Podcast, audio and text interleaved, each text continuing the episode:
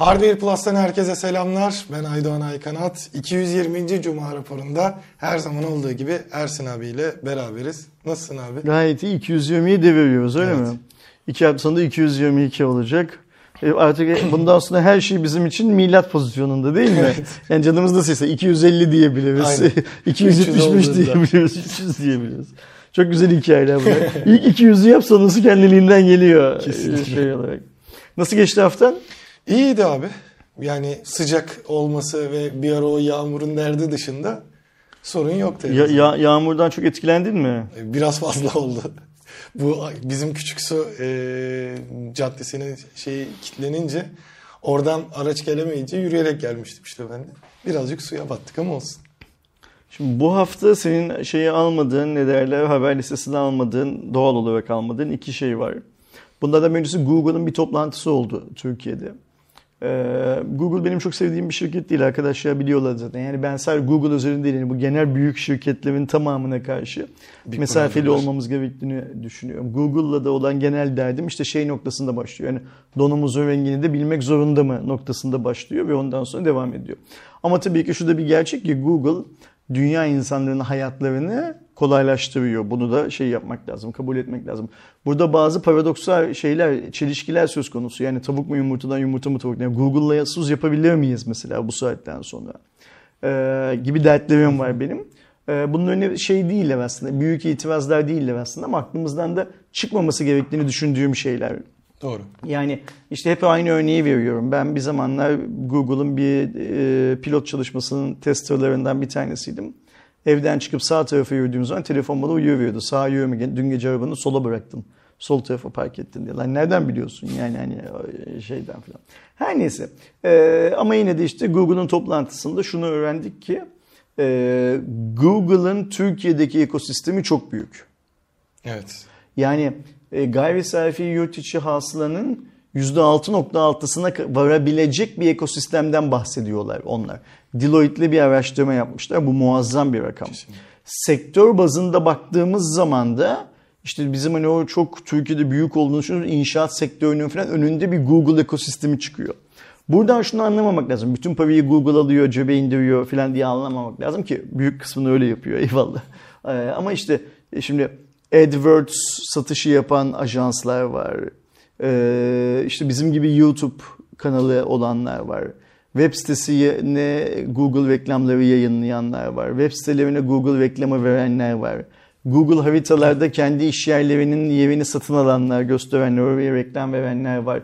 Var oğlu var. 50 bin te- işte Android telefon aldığın zaman sen dünyanın her yerinde Google'a bir para gidiyor filan filan gibi böyle bir yığın bir şey var.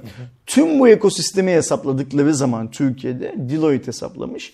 6.6 sana denk düşüyor. Gayri safi yurt içi hasılanın 6.6'sı muazzam bir değer. Yani sadece eşinize dostunuza bakın kim Google'la iş yapıyor. Mesela atıyorum yani e, bir köyde e, reçel yapan bir teyze eğer reçellerini satmak için Google haritaları kullanıyorsa o da o ekosistemin içinde.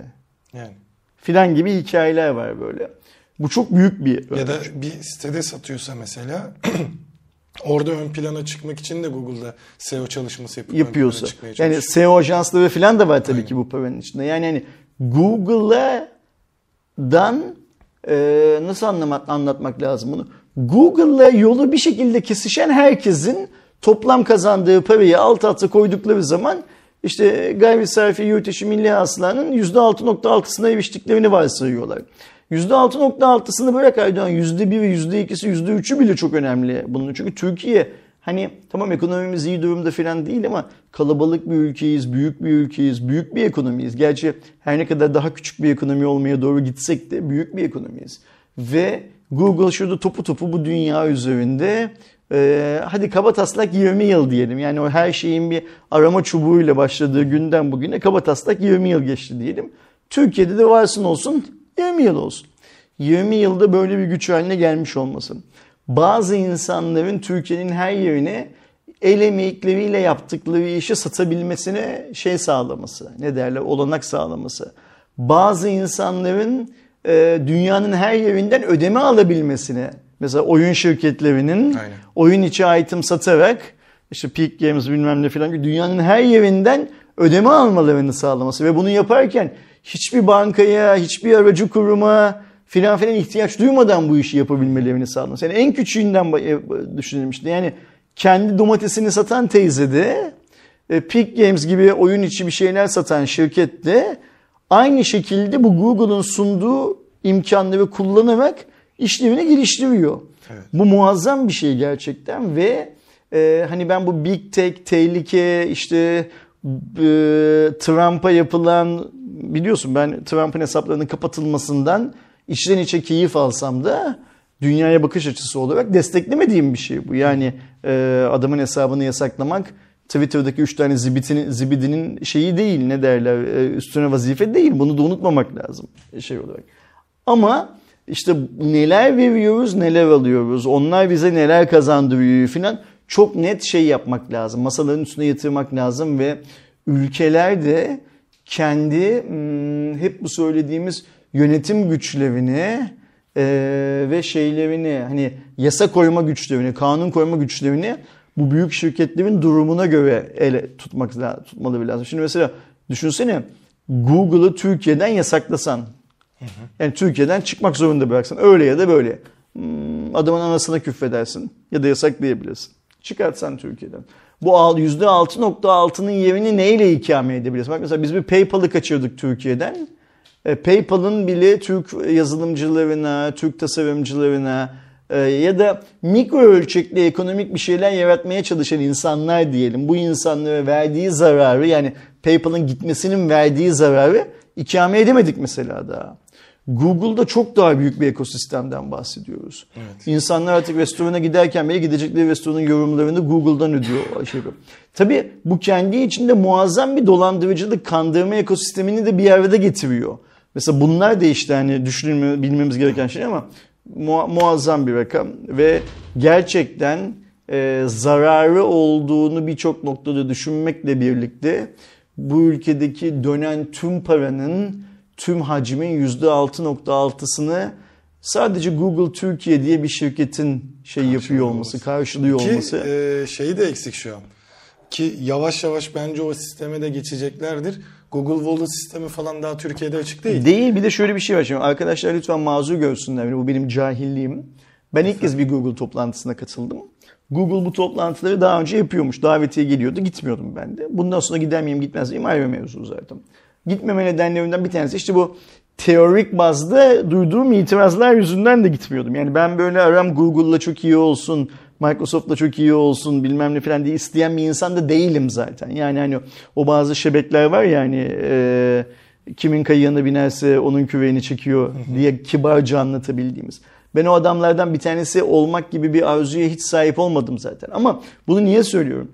Geçen yıl yaptığı bu toplantıda Google'ın bizim Cem abi anladığım kadarıyla bak bu konuyu Cem abiyle konuşmadım. Daha sonra şöyle bir şey var. Cem abi soru cevap kısmında mikrofonu eline aldı dedi ki ülke direktörü, ülke müdürüne Google'ın. Pixel dedi geleceğini söylemiştiniz bana. Geçen yılki toplantıda size sormuştum dedi. Pixel'in geleceğini söylemiştiniz. Ne oldu diye bir soru sordu. Buradan anlıyoruz ki geçen yıl bu soru sorulmuş mesela adamlara. Hı hı. Ben bu sorunun Pixel getirmeyi planlıyoruz falan diye bir cevap verildiğini hatırlamıyorum. Böyle bir şey duyduğumu hatırlamıyorum mesela. Biz de arkadaşlara sorduklarında ne dedik biz? Yok yani ne gelecek bilmem ne filan dedik değil mi? Ama aslında e, o toplantıda övünüyorum ki Cem abi geçen yıl bu soruyu sormuş. Geçen yılda yani en azından roadmap'lerinde Hayır 365 gün önce de Google Türkiye e, ülke müdürü demiş ki evet çalışıyoruz demiş bununla ilgili.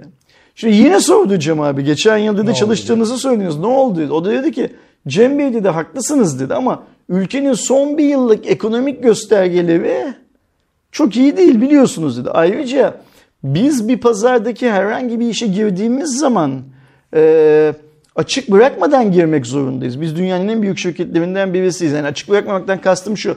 Dağıtıma, servise, kim getirecek, kim satacak. Aynen. Bir de biz e, yazılım konusunda, hizmet konusunda çok şeyken ne derler? Profesyonelken hardware konusunda sonradan girdiğimiz bir iş. Ve ben hardware'in dünyadaki en başındaki adamla bu konuyu konuştum dedi. Yani şu piksellerden Google dünyasında. En tepede kim varsa onu, o da dedi Türkiye'de ürünlerini satmak çok istiyor dedi. Biz çalışıyoruz bununla ilgili dedi. Ama tabii doğal olarak en iyi partnerleri yani en iyi satıcıyı, en iyi tamirciyi, en iyi dağıtımcıyı, en iyi gümrükçüyü, en iyi bilmem neyi falan bulmamız gerekiyor. Ve tabii bu adamların da bir yandan da atıyorum belki de Apple'la hiçbir bağlantılarının olmaması gerekiyor. Çünkü sonuçta kabul edelim ya da etmeyelim aslında Apple'la Samsung rakip değil, Apple'la Huawei rakip değil aslında. Apple'la Alphabet, dedi, Alphabet dediğimiz Google rakip aslında. Bir yandan da öyle bir hikaye var yani. Ve e, hani şeyi söyleyeceğim mazur görsünler dedim ya. Mesela ben geçen yıl bu toplantıya katılmadığım için bu bilgiye bir yıl gecikmeli olarak sahip oldum. Ve nasıl sahip oldum? Cem abi kendi sorduğu soruyu takip Tekrar ettiği için şey oldu. Mesela bir yıldır yok Cem abiyle o kadar konuşuyoruz. Mesela o da hiç söylemedi bana böyle bir şey. Ben adamlara sordum varmış filan filan. O yüzden biz canlı yayınlarda hep şey dedik bugüne kadar. Yok yani niye gelsin? Ama mesela anladım ki bu toplantıda adamların böyle bir niyeti var. Ama şey konusunda da en azından haklıymışız. Yok ya niye gelsin bu durumda. Ha, Mesela adamlar yani. o yüzden giremiyor yani şu. Şimdi benim anladığım eee, yani bunu nereden anlıyorsun diyeceksin. Ben karşımda sunum yapan adamın eee, genel tavrından anladığım şey şu. Google Türkiye Ülke Müdürü de Türkiye'de çok büyük işler yaptığının farkında. Ve büyük bir ihtimalle daha çoğunu yapmak istiyor. İşte daha çoğu da Pixel'den, Google Store'lar olur. Heh, aynen Ba- başka başka işlerden işte senin söylediğin gibi e, şey Eksik izin verdiğinde e, kanunla izin verdiğinde Google Pay'den filan geçiyor. Şimdi sen PayPal'ı zamanında yasaklamasaydın büyük bir ihtimalle Apple Pay, Google Pay, Samsung Pay bilmem ne filan bunların hepsi çoktan Türkiye hatırlasana. Biz S8 lansmanında ya da S9 lansmanında o zamanlar Samsung Türkiye e, Mobile e, Başkan Yardımcısı Tansu Bey'in bir sunumunda e, galiba S9'du yanlış hatırlamıyorsam.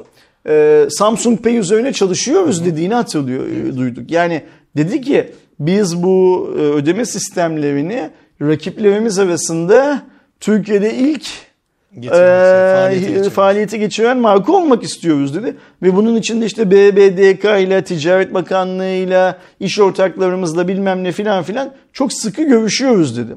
Ha bu olaydan bir iki ay sonra PayPal gitti. E, PayPal gittiği zaman sen zaten Apple Pay'i, Google Pay'i, e, Samsung Pay'i getiremezsin zaten şey olur.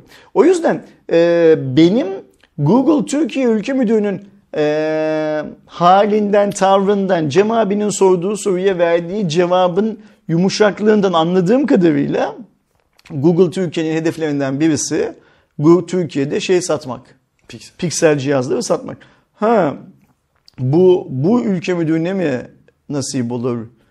Sen ben ömrü hayatımız boyunca görür müyüz? Bizden sonraki nesillere mi denk düşer bilmiyoruz tabii ki ama işte satsa bir dert satmasa bir dert. Satsa o fiyatlardan nasıl şey Yani yürüyecek zaten A serisi Türkiye'de? falan Türkiye'de çok dikkat çekiyor olacak. Yani ne olursa olsun işte şey e, en azından gittim bir şeyler duydum bir şeyler öğrendim.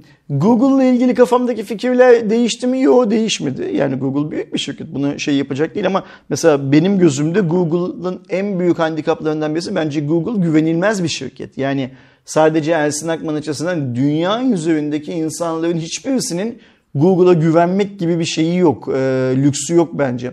Hepimiz Google gibi büyük teknoloji şirketlerine karşı e, zırhı hazırlamış ve silah çekmiş pozisyonda davranmak zorundayız. Hani oyunlarda, oynadığımız oyunlarda o hani savaşa girdiğimiz combat anı vardır ya hazır olduğumuz falan. Bu şirketlerle yüz yüze geldiğimiz zaman hep bu normda olmak zorundayız. Çünkü bu şirketlerin e, neleri yapabileceklerini anlayabilmemiz, bugünden tahmin edebilmemiz mümkün değil. Evet doğru. Ee, o arama çubuğuyla ilk ya karşılaştığımız zaman işin buraya geleceğini ne Sergey biliyordu ne biz biliyorduk değil mi? İş nerelere geldi ve buradan Allah bilir nerelere gidecek iş şey anlamında. Ama yine de o basın toplantısına katılmış olmaktan mutluyum. Bir şeyler öğrenmiş olmaktan mutluyum her şeyden önce. Ee, ve işte bundan önceki basın toplantılarına katılmadığım için Google'ın da biraz şeyim ee, ne derler pişmanım. Yani onu da söyleyeyim mesela ben bir önceki basın toplantısında bu Pixel hikayesini duymak isterdim şey anlamında. Bu yılda niye getirmediniz diye ben sormak isterdim mesela. Yani bir Şeyde. de şey farkı da olurdu. Biraz önce dedin ya hani o anlatım tonundan tarzından. Geçen yıl acaba o soruya nasıl cevap verdi çalışıyoruz derken? Ee, bu senekindeki sanırım farkı- yine pozitif cevap vermiş. Yani öyle anladım. Ben, ve ben lansmandan erken çıkma erken dediğim lansman biter bitmez çıkmak zorunda kaldım. Ee, Cem abi falan kaldı orada. Ee, onlar bir ofis turuna geçtiler. Çünkü bu pandemi döneminde Google Türkiye kendi ofisini renove etmişti. Sizi bir gezdirelim bilmem ne falan oldu. Hani bu şeydir. e, fakir ve az eğitimsiz Türk halkına sunulan böyle işte Apple'ın kampüsü, Google'ın kampüsü filan gibi o tam camekene ekmek bas- banma hikayesi var ya e, bu zaten emperyalizmin bir başka şeyidir göstergesidir aslında. Bu büyük şirketlerin sadece Google değil tüm büyük şirketlerin Türkiye gibi ülkelerde şatafatlı işler yapması e, onların bir anlamda da brandinglerinin, ma- markalaşma süreçlerinin gereğidir. O yüzden ben öyle bir ofis turuna falan katılmadım tabii ki. Yani beni o ofis turuna katmadığım için bana para vermeleri lazım. O ofis turu ya taksimetreyi açmam lazım yani hani şey anlamında. Mesela adım başı bir paraya anlaşmamız lazım. E, Çünkü öbür türlü ben gidip yani hani böyle ay ne güzel siz Türkiye'de süper paralar kazanmışsınız. Bu parayı biz keşke kendi ülkemize tutabilseydik ama sizin cebinize indirmişiz bu parayı. İrlanda'ya. Çok da güzel salıncaklar koymuşsunuz böyle sağa sola. Cem abinin fotoğraflarından gördüm yine işte şeyler uyku kabinleri yapmışsınız kapsüller. bilmem. Ay ne güzel yani buradaki tek sorun ne olan şey bunun parasını benim ödemiş olmam filan gibi muhabbetlere girmeyeceğim için kalmadım. Ee, bunların hiçbirisini de Google'ı eleştirmek için söylemiyorum. Yani burada şunu anlatmaya çalışıyorum. Google kendi hedefleri, kendi artık fikri olan organizmaya benzeyen bir şirket. E ben de Allah yaratımı bir organizmayım. Ben benim de kendi fikirlerim, kendi bilmemlerim var. Ve bizim Google'la olan ilişkimizin e, karşılıklı kazan kazan ilişkisi olması gerektiğini biliyorum. Yani hep o kazanırsa, hep ben kazanırsam bu ilişki şey olmaz. E, ne derler? e, yürümez. O yüzden de ben Google'a kazandırdığım kadarıyla şu anda hmm, bile çok memnun değilim. Sanki daha fazlasını bile kazandırdım e, karşılığını aldığımdan ne kadar e, falan diye düşündüğümden böyle konuşuyorum. E, o yüzden hani Cem abiye de şey diyemedim ya sen bu soruyu sorduysan niye geçen yıl söylemedin? Niye bilmem ne yapmadık falan diyemedim. Bugüne kadar da konuşmadık hiç. Yani işte üzerinden bu pazartesi salıydı. Çarşamba, perşembe, cuma 3 gündür de Cem abiyle hiç konuşmadığımız için muhabbet olmadı. Google hikayesi böyle. Bir başka hikaye de Aydoğan bizim web sitemizde bu gece sabaha karşı yayınlanan bir haber. Bir Microsoft yöneticisi Janet Jackson'ın e, Rhythm Nation isimli zaten Rhythm Nation aynı zamanda Evet. Janet Jackson Onu albümünün de adı. de- Rhythm Nation isimli şarkısının e, 5400 RPM'lik HDD'lerin rezonanslarını bozaca bozduğunu söylemiş bir dönem. Ben ömrü hayatımda yani teknolojiyi ta- yakından takip etmeye başladığım bu dönemlerde bu arada bilseydim bende bu Rhythm Nation'ın şeyi var. Double özel kapaklı eee, çift CD'li önünde de Janet Jackson'ın kocaman bir fotoğrafı var. şu kadar bir CD'si var. iki CD'lik. Onu da getirdim bugün ama işte sabah evden çıktıktan sonra okudum ben bu haberi. Eee ilk kez bir şarkının çalınarak e, bir bilgisayar, bir teknolojik ürününe zarar verebilme şeyinin olduğunu görüyorum, duyuyorum. Çok garip bir bilgi bu. Ki yani, yani- Rhythm Nation'ın şarkıda Janet Jackson'ın prodüktörlüğünün kullandığı rezonanslar anladığım kadarıyla HDD'nin içindeki vibrasyonu arttırdığı için bir şekilde galiba böyle bir şey. Biz buna benzer bir şey Aydoğan yıl 92-93 falan gibi Hyde Park'ta Madness konser verdiği zaman İngiliz Deprem Enstitüsü'nün Londra'da konser raporlamasıyla görmüştük mesela. Yani ben onu da çok net hatırlıyorum. Ben o zamanlar Blue Jean'de çalışıyordum. Biliyorsun Blue Jean diye bir müzik dergimiz vardı. Ee, internet falan olmadığı için yurt dışından gecikmeli olarak gelen yabancı yayınlardan alırdık haberleri. Bir hafta gecikmeli, üç gün gecikmeli, beş gün gecikmeli şansımıza göre. Madness konserinden sonra çıkan İngiltere'deki bütün gazeteler, o zamanlar internet yok, gazetenin web sitesine falan da bakıyorsun. Gelmesini bekliyorsun gazetenin. E, dergiler filan bunu haber yapmışlardı. Çünkü Madness'ın sahne altına ye- yerleştirdiği müzikle alakalı da çok olmayan bazı cihazlar bir sismik titreşim yayıyordu Deprem şeyi ve e. İngiltere. İngiliz Kraliyet Deprem Enstitüsü konserin başladığı anda Londra merkezli Hyde Park merkezli deprem e, kayıtlara geçirmişti. Yani tabi burada biraz işin hinliği bilmem nesi filan var. Sırf hani konserden sonra haber olsun, olay olsun filan diye yapılmış bir hikaye filan ama Ee, bu Rhythm Nation muhabbeti de bence çok garip. Bu şey çalışanı, Microsoft çalışanı isim vermiyor ama diyor ki dünyanın diyor büyük laptop üreticilerinden birisi 2005 yılında diyor Microsoft'a bunu diyor raporladı diyor. Ve bazı laptoplarının müşteriden geriye döndüğünü, kendilerinin yaptığı çalışmalarda işte bu yanlarında Rhythm Nation, yüksek volümlü Rhythm Nation çalınırsa e, cihazın HDD'sinin şey yaptığı, zarar gördüğünü filan Ama şey Windows yaptı diyor. XP'li cihazlar bir de. Ama 2005 işte. Yani o dönemde XP var ya, yani yani yıl, orada. yılda o, o yapacak bir şey Hani yok şey- şeyi düzeltiyorum yani. Şu an mesela bende XP'li 5400 RPM'li bir şeyi ben Windows 7'ye, Windows 10'a, Windows 11'e çıkardığımda şey Şimdi büyük bir ihtimalle bunun bu zamanda duyurulmasının nedeni işte XP'ye desteğin artık bitmesi, bu arkadaşın Windows 11'e Microsoft'la yaptığı anlaşmanın sonuna. Herhalde artık hala Microsoft'la çalışmıyordur bilmiyorum ya da çalışıyor mudur. Ama artık yani bu konular konuşulabilir hale gelmesi. E şimdi diyecekler ki o laptop üreticisi işte Dell olsun, HP olsun bilmem niye bunu Microsoft'a bir raporluyor? Diyor ki işte öyle yazılımlarınızla diyor bu rez- rezonansların cihazda ve hardware'e zarar vermesini engellemeniz lazım diyor. Çünkü sonuçta o diski üreten de şirketler de o zamanlar Samsung falan olabilir. Microsoft'un aldığı nasıl üretilecek e, yönergeleriyle üretiyor zaten. Microsoft da her ne kadar bir yazılım şirketi olsa da kendi elinde donanım olarak Xbox vakti zamanda klavyeler, fareler falan olsa da aslında tüm dünyadaki donanımcılara işin reçetesini veren şirket. Onu da unutmamak lazım ya. O yüzden bence bu haber de garip ve önemli bir haberdi. Teknoloji dünyası için garip ve önemli bir haberdi. Ee, senin seçtiğin konulara gelecek olursak da Rütük Netflix'te Spotify'a cezayı, Cezayı vermiş öyle verdi, mi? evet. Sonunda. Yani- Geçen hafta konuştuk bunu. Geçen hafta incelemeye aldığını bahsetmiştik. Hızlı incelemişler yani. Evet. Zaten hani e, şikayet eden de Aile ve Sosyal Hizmetler Bakanlığı'ydı. Oradan gelen tepkilerle. Evet, belki de işte o şeyler. yüzden hızlı karar vermişler. Olabilir. Ersin şikayet etse bu kadar hızlı karar vermeyebilirler. Neydi bu olay?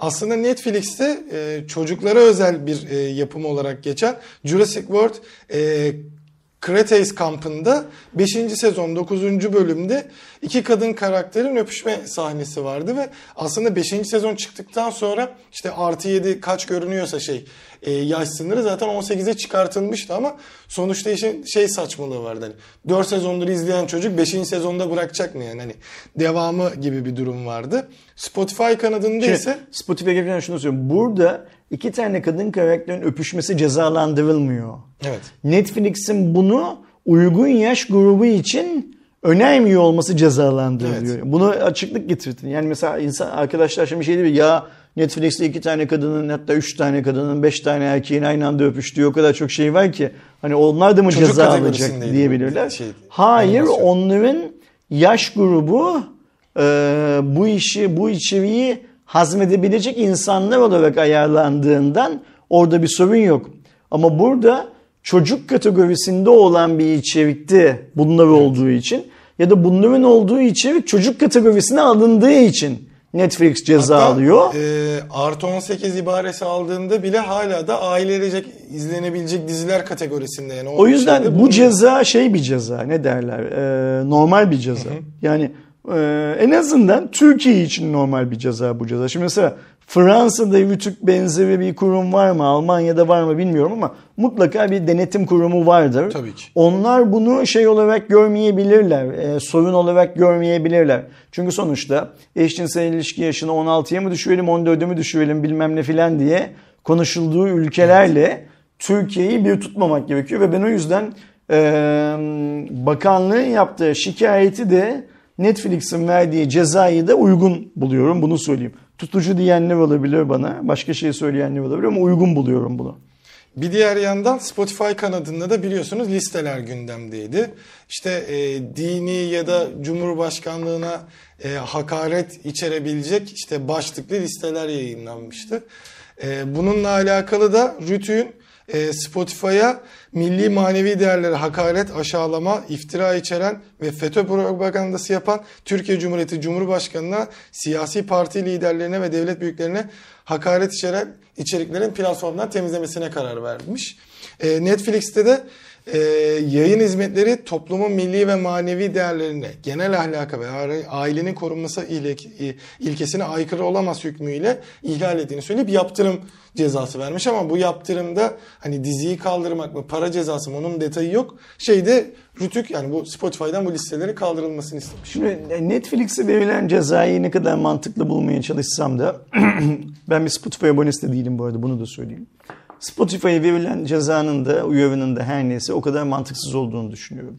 Çünkü şu senin saydığın affedersiniz e, milli manevi değerleri hakaret, aşağılama, iftira içeren ve FETÖ propagandası yapan Türkiye Cumhuriyeti Cumhurbaşkanı'na, siyasi parti liderlerine ve devlet büyüklerine hakaret için içeriklerin platformdan temizlenmesi hikayesinden yola çıkarak o kadar çok şey yapabiliriz ki bu ülkede. Evet. Yani Spotify'a uyarmaktan öte o kadar çok şey yapabiliriz ki. Bir de bu içerikler Spotify'ın ürettiği içerikler değil. O da çok önemli. Yani mesela, şimdi şu mu, şu mu olacak Aydoğan? Diyelim ki o geçen hafta işte konuştuk bazı playlistimin adını. O playlisti kim buldu, kim yaptı, oluşturdu? Ee, Ankara'nın Mamağı'ndaki Ahmet. Hadi alın bunu içeriye mi olacak? Bu maddeden yola çıkarak şu şey milli manevi değerler bilmem ne filan hikayesinden yola çıkarak. Ya orada bir de işin hani esprili tarafı olduğu için işte biraz kara mizah mı girer girmez mi bu da ayrı bir Bilemedim. tartışma konusu olur da hatta bunun bir örneğini hatırlıyorum. Ee, işte kara mizah dediğimiz tarzda bir e, mizah yapan e, kadın komedyenin çok tartışması vardı işte. Hani bu mizahtır ya da bu kadarı da olmaz vesaire. Galiba yine orada... Şimdi neyin mizah olduğunu, neyin mizah olmadığını devlet karar veremez, hükümet karar veremez. Benim neye güleceğime de benden başka kimse yani. karar veremez. Yani işin böyle bir temel noktası var. Ee, ve gariptir ki başkasının başına gelen kötü bir şeye de gülme hakkım var. Bu benim iyi insan, kötü olduğun insan olmadığımı ilgilendiriyor ve benle alakalı bir şeydir bu. yani Aydoğan düşer, Allah korusun başına kötü bir şey gelir. Ben buna gülebilirim. Ben bundan mutlu olabilirim. Devlet ya da herhangi bir şey beni buna gülmemekle, bundan mutlu olmamakla e, cezalandıramaz. Ama ahlak, toplum ahlakı beni ahlaksızlıkla suçlayabilir. İyi insan, kötü insan olarak isimlendirilir. Bu, bu, bunlar böyle hikayelerdir. O yüzden bu noktadan yola çıkarak Spotify'ın herhangi bir aksiyon almasını beklemek ya da Spotify'dan herhangi bir aksiyon almasını istemek bana çok doğru bir hareketmiş gibi gelmiyor. Yapılan şeyin doğruluğundan, yanlışlığından bahsetmiyorum burada. Nasıl çözümlere gideceğimiz de bizim nasıl insanlar olduğumuzla alakalı şey anlamında. Ee, o yüzden e, hani bu özgürlükler ve demokrasi dediğimiz kavram var ya e, bu adamların bazı playlistlerde hepsini demiyorum bazılarına böyle isimler koymalarının e, kötü bir niyeti olduğunu sanmıyorum. Ya işin bence de işin birazcık daha Aynen espri öyle. tarafında Yani şimdi şöyle bir şey var. Ee, ben hayatımın bir döneminde çok fazla müzik dinlemiş bir insanım.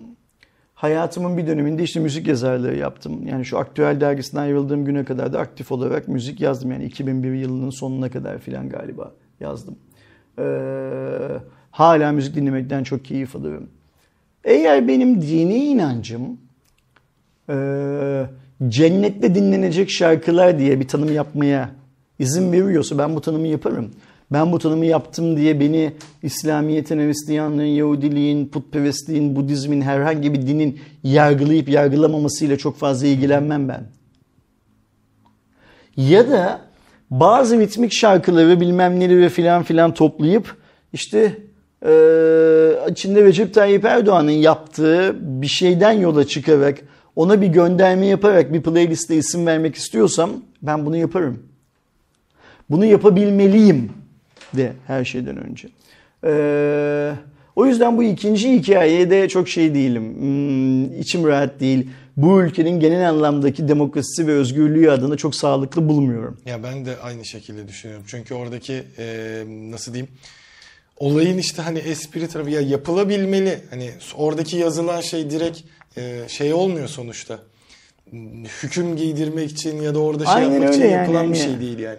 Hani kendimizce e, espri vesaire durumunun da zaten buradaki şeyi var. Yani işin aslında birazcık daha böyle saçmalığına kaldığını söyleyebiliriz Spotify kanadında. Çünkü bir de işin şey tarafı var. Şimdi bunlar kaldırılacak. tekrar hani benzer listeler çıkacak. Hani onun önüne nasıl geçecekler? İşte söylemeye çalıştığım şey o zaten. Özgür ve demokrasi, özgürlükler ve demokrasi aynı anda eğer filizlenmezse e, bugün Spotify olur, yarın başka bir hikaye olur. Sonra karşımıza başka başka şeyler geçer. Bunun gideceği en son nokta işte kendini bilmez bir tane polis memurunun gidip üniversitenin kapısına çocuklar içeriye girmesin dışarıya çıkmasın diye kelepçe takmasına kadar gider bu hikaye. Saçmalıklar zinciri böyle zincirlerdir zaten evet. şey olarak. Evet. O yüzden hani şey değil, e, sevindirici bir şey değil. Yani zaten şeyse buradaki başlıkların falan filan aslında sert olduğunu ya da yanlış olduğunu düşünenler varsa YouTube'da vardır. Geçsin bir şeyin birkaç bölümünü bulsun olacak o kadarım mesela. Oradaki geçen eleştiriler, espriler. Şimdi e, işte bu da özgürlükler ve demokrasiyle alakalı bir şey. Yani şimdi ben şeyi çok net hatırlıyorum. Kusura bakma lütfen. Senin ilk kez 32. gün izlediğin ve ofise geldiğin zamanı ne hatırlıyorum ve söylediğin lafları da hatırlıyorum. Ee, hani 32. günün bütün arşivi açıldığı Aynen. zaman filan. Hala ee, daha var bu arada YouTube'da. 32. gün arşivi diye. Şimdi orada da çok garip değil mi mesela 32. gün ya da olacak o kadar gibi programların bugün çekilmeleri mümkün değil. Bugün çekilirse yasaklanır ama o gün çekilenlerine yasak gelmiyor. Niye? Çünkü o gün çekilenleri ülkeyi şu anki yönetenlerle alakalı değil çünkü. Yani. şey bir de artık işte, gerçekleri yani arşivler. İşte şey. yani yani şey zaten özgürlük ve demokrasi dediğimiz hikaye de buradan filizlenmeli aslında. Ee, o yüzden yani benim gördüğüm kadarıyla kötüye giden tek şey ekonomimiz değil. Evet. Ee, ondan önce ondan sonra onunla birlikte özgürlüklerimiz de azalıyor. Ülkenin demokrasi anlayışı da değişiyor. Ee, insanların demokrasi anlayışı da değişiyor. Ee, özgürlük anlayışı da değişiyor. O yüzden yani hani bu gidiş iyiye gidiş değil benim gözümde. Diyelim çünkü daha çok konuşursak e, Rütük bizim Cuma raporuna da el atmak zorunda kalacak. Hiç işi böyle bu aşamada ve şey yapmayalım, getirmeyelim. Şurada işimizi yapıyoruz. 220'ye gelmişiz. Yani 220'ye kadar gelmişiz. Çok da böyle şey yapmayalım hani. E, işin sonuna geldiğimiz işin sonuna geldiğimizi düşündüğümüz anlarda kendimizi kurban etmeyelim bu şeye. Yine speed test kanadına geldiğimizde e, Speed Test Türkiye'nin 2022 çeyrek sonuçlarını açıkladı her çeyrekte. Bir şey soracağım gibi. sana. Sen Speed Test'in verilerine güveniyor musun? E, açıkçası hani böyle yüzde yüz güvenilir değil ama herkes Speed Test üzerinden şey yaptığı için hani birçok çıkabilecek dataya göre daha mantıklı geliyor bana yani. Benim speed testin, ben de speed testin raporlarına falan bakıyorum. Sıralamalarına, hızına vesaire vesaire. O anlamda bir dert yok ama benim speed testle ilgili bir şey derdim var Erdoğan. Bu adamların parayı nereden kazandıklarını çok net söylüyor olmaları lazım bize. Yani reklam gösteriyorlar biz onu biliyorum ama onun dışında da bir şeyler o olmalı. reklam göstererek bu iş yürümez. Yani reklamdan çok iyi para kazanıyorlar diyor bütün dünyayı şey yaptığımız zaman ama sadece reklam göstererek bu iş olmaz. O kadar sunucu, o kadar hizmet. O web sitesini ayakta tutmaya yetmez. Yani speed test adresindeki Oakland'ın şeyin sitesindeki e, test hikayesini çalıştırmaktan bahsetmiyorum. O siteyi ayakta tutmaya yetmez reklamdan kazandıkları para. E, nereden para kazandıklarını bilmediğim için de ve çok net beyan etmedikleri için de böyle speed teste karşı biraz böyle şey yaklaşıyorum. Stoplu yaklaşıyorum öyle söyleyeyim. Yavaş yaklaşıyorum yani. Ama tabii ki başka veri olmadığı için elimizde çünkü biz buna benzer verileri Ulaştırma Bakanlığı'ndan, BTK'dan, Türkcell'den, Türk Telekom'dan bilmem ne falan duymuyoruz en nihayetinde. O yüzden bunları doğru olarak kabul etmek zorundayız. Sen lütfen devam et. E, ikinci çeyrek sonuçlarına baktığımızda yine tabii ki e, en fazla TürkNet görünüyor hız bazında. E, en yüksek hızı sağlayan. O da ortalamada 49,46 megabit bölü saniye. İkinci sırada TürkSat Kablonet var. 39,8 e, megabit bölü saniye. Üçüncü sırada Turkcell 35,3, Vodafone 24,25, Türk Telekom 21,61 olarak sıralanmış Türkiye'deki hıza göre. Ama burada bir şey parantezi açmak lazım. Bu sıralamanın oluşmasındaki mantıklı tarafı düşündüğümüzde bir tabii ki TürkNet'in artık hani ne kadar hız alıyorsan şeyi var ama görece olarak daha az e, aboneye sahip olmasının e, ortalama değeri çıkardığınızda şey var. Çünkü ne kadar fazla aboneye ulaşırsan e, ortalama değerin o kadar düşme ihtimali var. Özellikle Türkiye'deki internet altyapısını düşündüğümüzde. Kablonetin de zaten sınırlı bir e, abone çünkü o kabloyu getiriyor olması Hı-hı. lazım sana durumu var. Ha, Turkcell burada iyi e, demek ki fiber hizmetini daha da geliştirmiş olarak görüyoruz. Türk Telekom'un en kötü olması da benim gözümde Türk Telekom'un kötü olmasından ziyade tüm Türkiye'ye altyapısının olması ama bunu fiber olarak demiyorum. Her ne kadar %92'ye ulaştık dese de hani özellikle işte e, köy ya da beldelerdeki birçok şey artık beldelerde mahalleye dördü gerçi ama orada da ADSL altyapılarının olması internet varsa ve o zaten direkt 8 megabit ya da daha düşük hızlarla bu ortalamayı düşürmesinin etkisi. E, gecikmeye baktığımızda TürkNet'in 7 milisaniye, Türk Telekom'un 9 milisaniye, Turkcell ve e, Kablonet'in 10, Vodafone'un 21 ile en kötü gecikmeye sahip olduğunu e, görmekteyiz. E, şehirler bazında hızlara baktığımızda e, en hızlı şehir İstanbul 33 megabitlik ortalama indirme 5,97 yani 6 megabit diyebileceğimiz e, yükleme 8 milisaniyede gecikmesi var. Ankara, İzmir, Adana, Bursa diye devam etmiş bu sıralama. Şimdi benim bu için burada önemli olan şey şu Aydoğan. Türkiye ortalama indirme hızıyla dünyada 103. sırada yer alıyor. Evet. Bu ha. düştü bu arada. Daha yüksek değil. Ha, haber bundan ibaret. Dünyada internetin ortalama hızın konusunda Türkiye 103. ülke. Hatta 103'ten şu an şimdi şeye bakıyorum. E, 106. 103'ten 106'ya düşmüş. Raporda 103 aynen. şimdi bugün 106. Fark etmez 100 diyelim 50 27,52 megabit bölü saniye. Yani e, bunun ötesinde konuşacak çok fazla bir şey yok. Türkiye'nin e, 103. sırada olmasının nedeni Türkiye'nin fiber atılımını yapamamış olmasından kaynaklanıyor. Sen fibere sadece bakır kablolu satalım da para kazanalım. Fiber ondan daha ucuz gözüyle baktığın zaman bu iş olmuyor. Sen %92 filan bununla ve kimse inanmıyor. Bak ne yapıyor? İnsanlar işte gidiyorlar. Ee, hadi e, avucunun içine aldığın Türk medyasında %92 fibere kavuşturduk diye haberler yaptırıyorsun ya. E ne, speed testinde raporunu değiştirsene gücün yetiyorsa. 103.'yü 13. yaptırsana gücün yetiyorsa. Evet. Mesela mobil tarafında da 68. sıradaymışız mobil internette. Ortalama 27 28,7 ee, yüklemede 12,37 ve bu şeylere baktığımızda kablolu internetten yani işte fiber vesaire ADSL altyapısına göre mobil şu an daha hızlı durumda. Aa, 103. sıradaymışız Aydan. Önemli olan bu. Hatta 106. İlk yüze bile girememişiz. Türkiye'nin e, bu kadar genç nüfus bu kadar fazla internette geçirilen zaman bilmem ne filan baktığın zaman 103. sırada olması şey değil tabii ki. Ne derler? Makul ve mantıklı Ben biraz şeye değil e, bakıyorum. Hani bu son dönemde yapılan işte artıyor ediyor filan. Bunlar güzel açıklamalar. O da ayrı bir mesele de. İşte açıklamanın karşılığına baktığımızda Q3'te bu ciddi bir gelişme olmazsa hani yakın zamanda yapıldığı için diyorum açıklamalara. Ben şeye benzeteceğim. 4G'ye geçtiğimizde ya da işte 4.5G'ye geçtiğimizde işte Avrupa'nın en hızlı 4G'si bilmem nesi falan filan var. Ya da bunu pardon 4G'ye geçmeden önce 3G'de yapmaya başlamıştık. Dünyanın en hızlı 3G'sinden biri bizde Avrupa'nın en hızlı. Çünkü Avrupa 4G'ye geçmişti. Şimdi bak Türkiye'de yapılan ilk şey e, tüp, e, tramvay, tünel erişimi nerede? Karaköy ile tünel arasında değil mi? O tünel dediğimiz şey. Bunu kimler yapıyor? Fransızlar, Fransızlar. yapıyor. Türkiye'deki ilk raylı sistem, çalışan raylı sistemin yine çoğunu Fransızlar, İngilizler bilmem neler evet. falan yapıyorlar değil mi? Hatta telgraf, Türkiye'de ilk telgraf uygulaması e, yine yabancı şirketler tarafından destekleniyor. Ya nedir bu biliyor musun?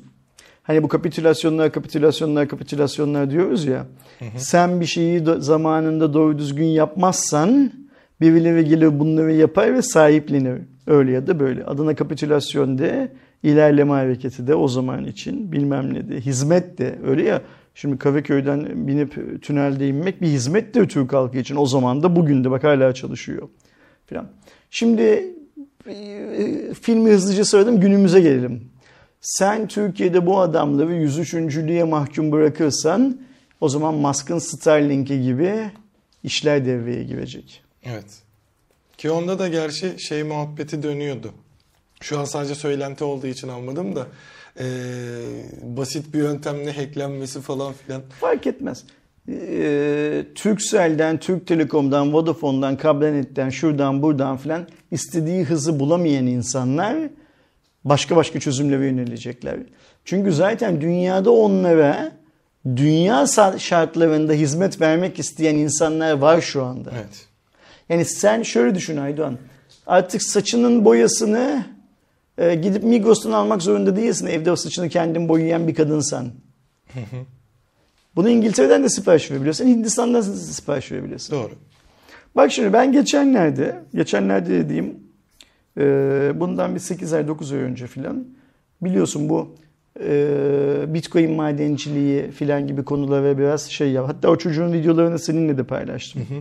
Burak diye bir arkadaşla tanıştım. Bizim videolarımızı izliyormuş. Bunu da izliyorsa selam söyleyelim kendisine. Kaç zamandan beri de haberleşmiyoruz kendisiyle. İnşallah sağlığı, sıhhati yerindedir. Burak kendi kanalında işte böyle Bitcoin madenciliği ile ilgili videolar çekip insanlara e, madencilikle ilgili bilgiler vermeye çalışan, bana soracak olursan telefonda konuştuğum kadarıyla filan aklı başında filan bir adam herhalde yaşıtızdır Burak'ta öyle tahmin ediyorum. Yani videolarından gördüğüm kadarıyla filan ya da aramızda 3-5 yaş filan şey var. Fark, fark etmez. Şu Burak hani bu e, ekran kartı bulunamıyordu ya o dönemde bir tane MSI ekran kartını Japonya Amazon'dan aldı. Hatırlıyorum ama.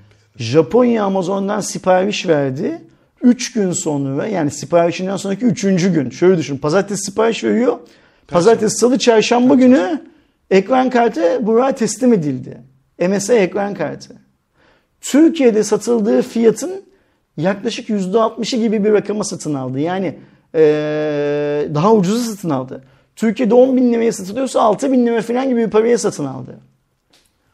Şimdi ben buraya dedim ki ve bu vergisiz filan her şeyi Amazon'un o hani vergiyi ödeme hikayesi var orada halletti her şeyi.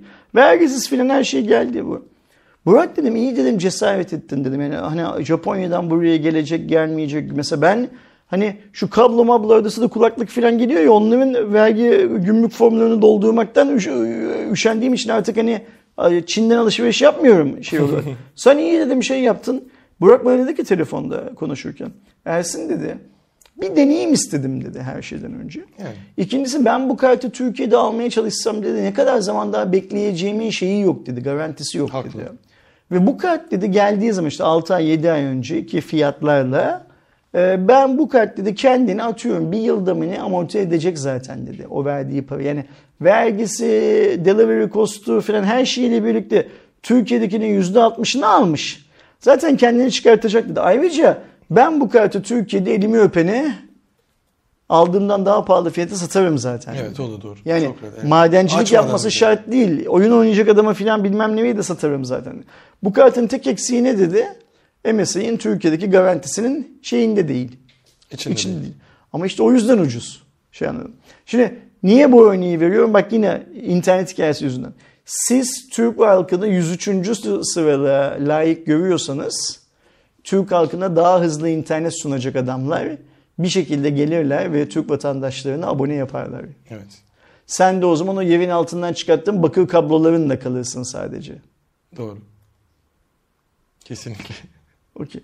O yüzden ee, mantık, biraz mantık. Yani şunu yaptık bunu yap. şimdi rakamlar eğilebilirdir.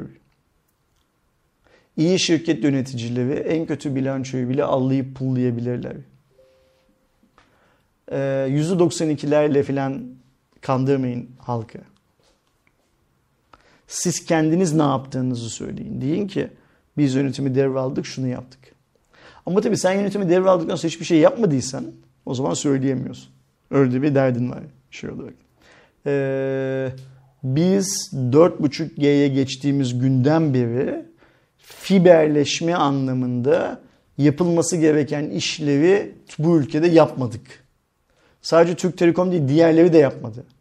Türk Telekom diyecektir ki niye yapmadın diye bunu elbet bir gün Türk Telekom'a birileri soracak. Biz şu anda soramıyoruz. Ee, gücümüz yetmiyor bunu sormaya da elbet birisi soracak. Diğerlerine de soracaklar. O diyecek ki Türk Telekom paramız yoktu. Şu işte ortak hikayesinden bankalardan filan zar zor kullandık, kurtulduk. Diğeri diyecek ki e, yapmamız için gereken teşvikleri almadık devletten bilmem ne filan filan.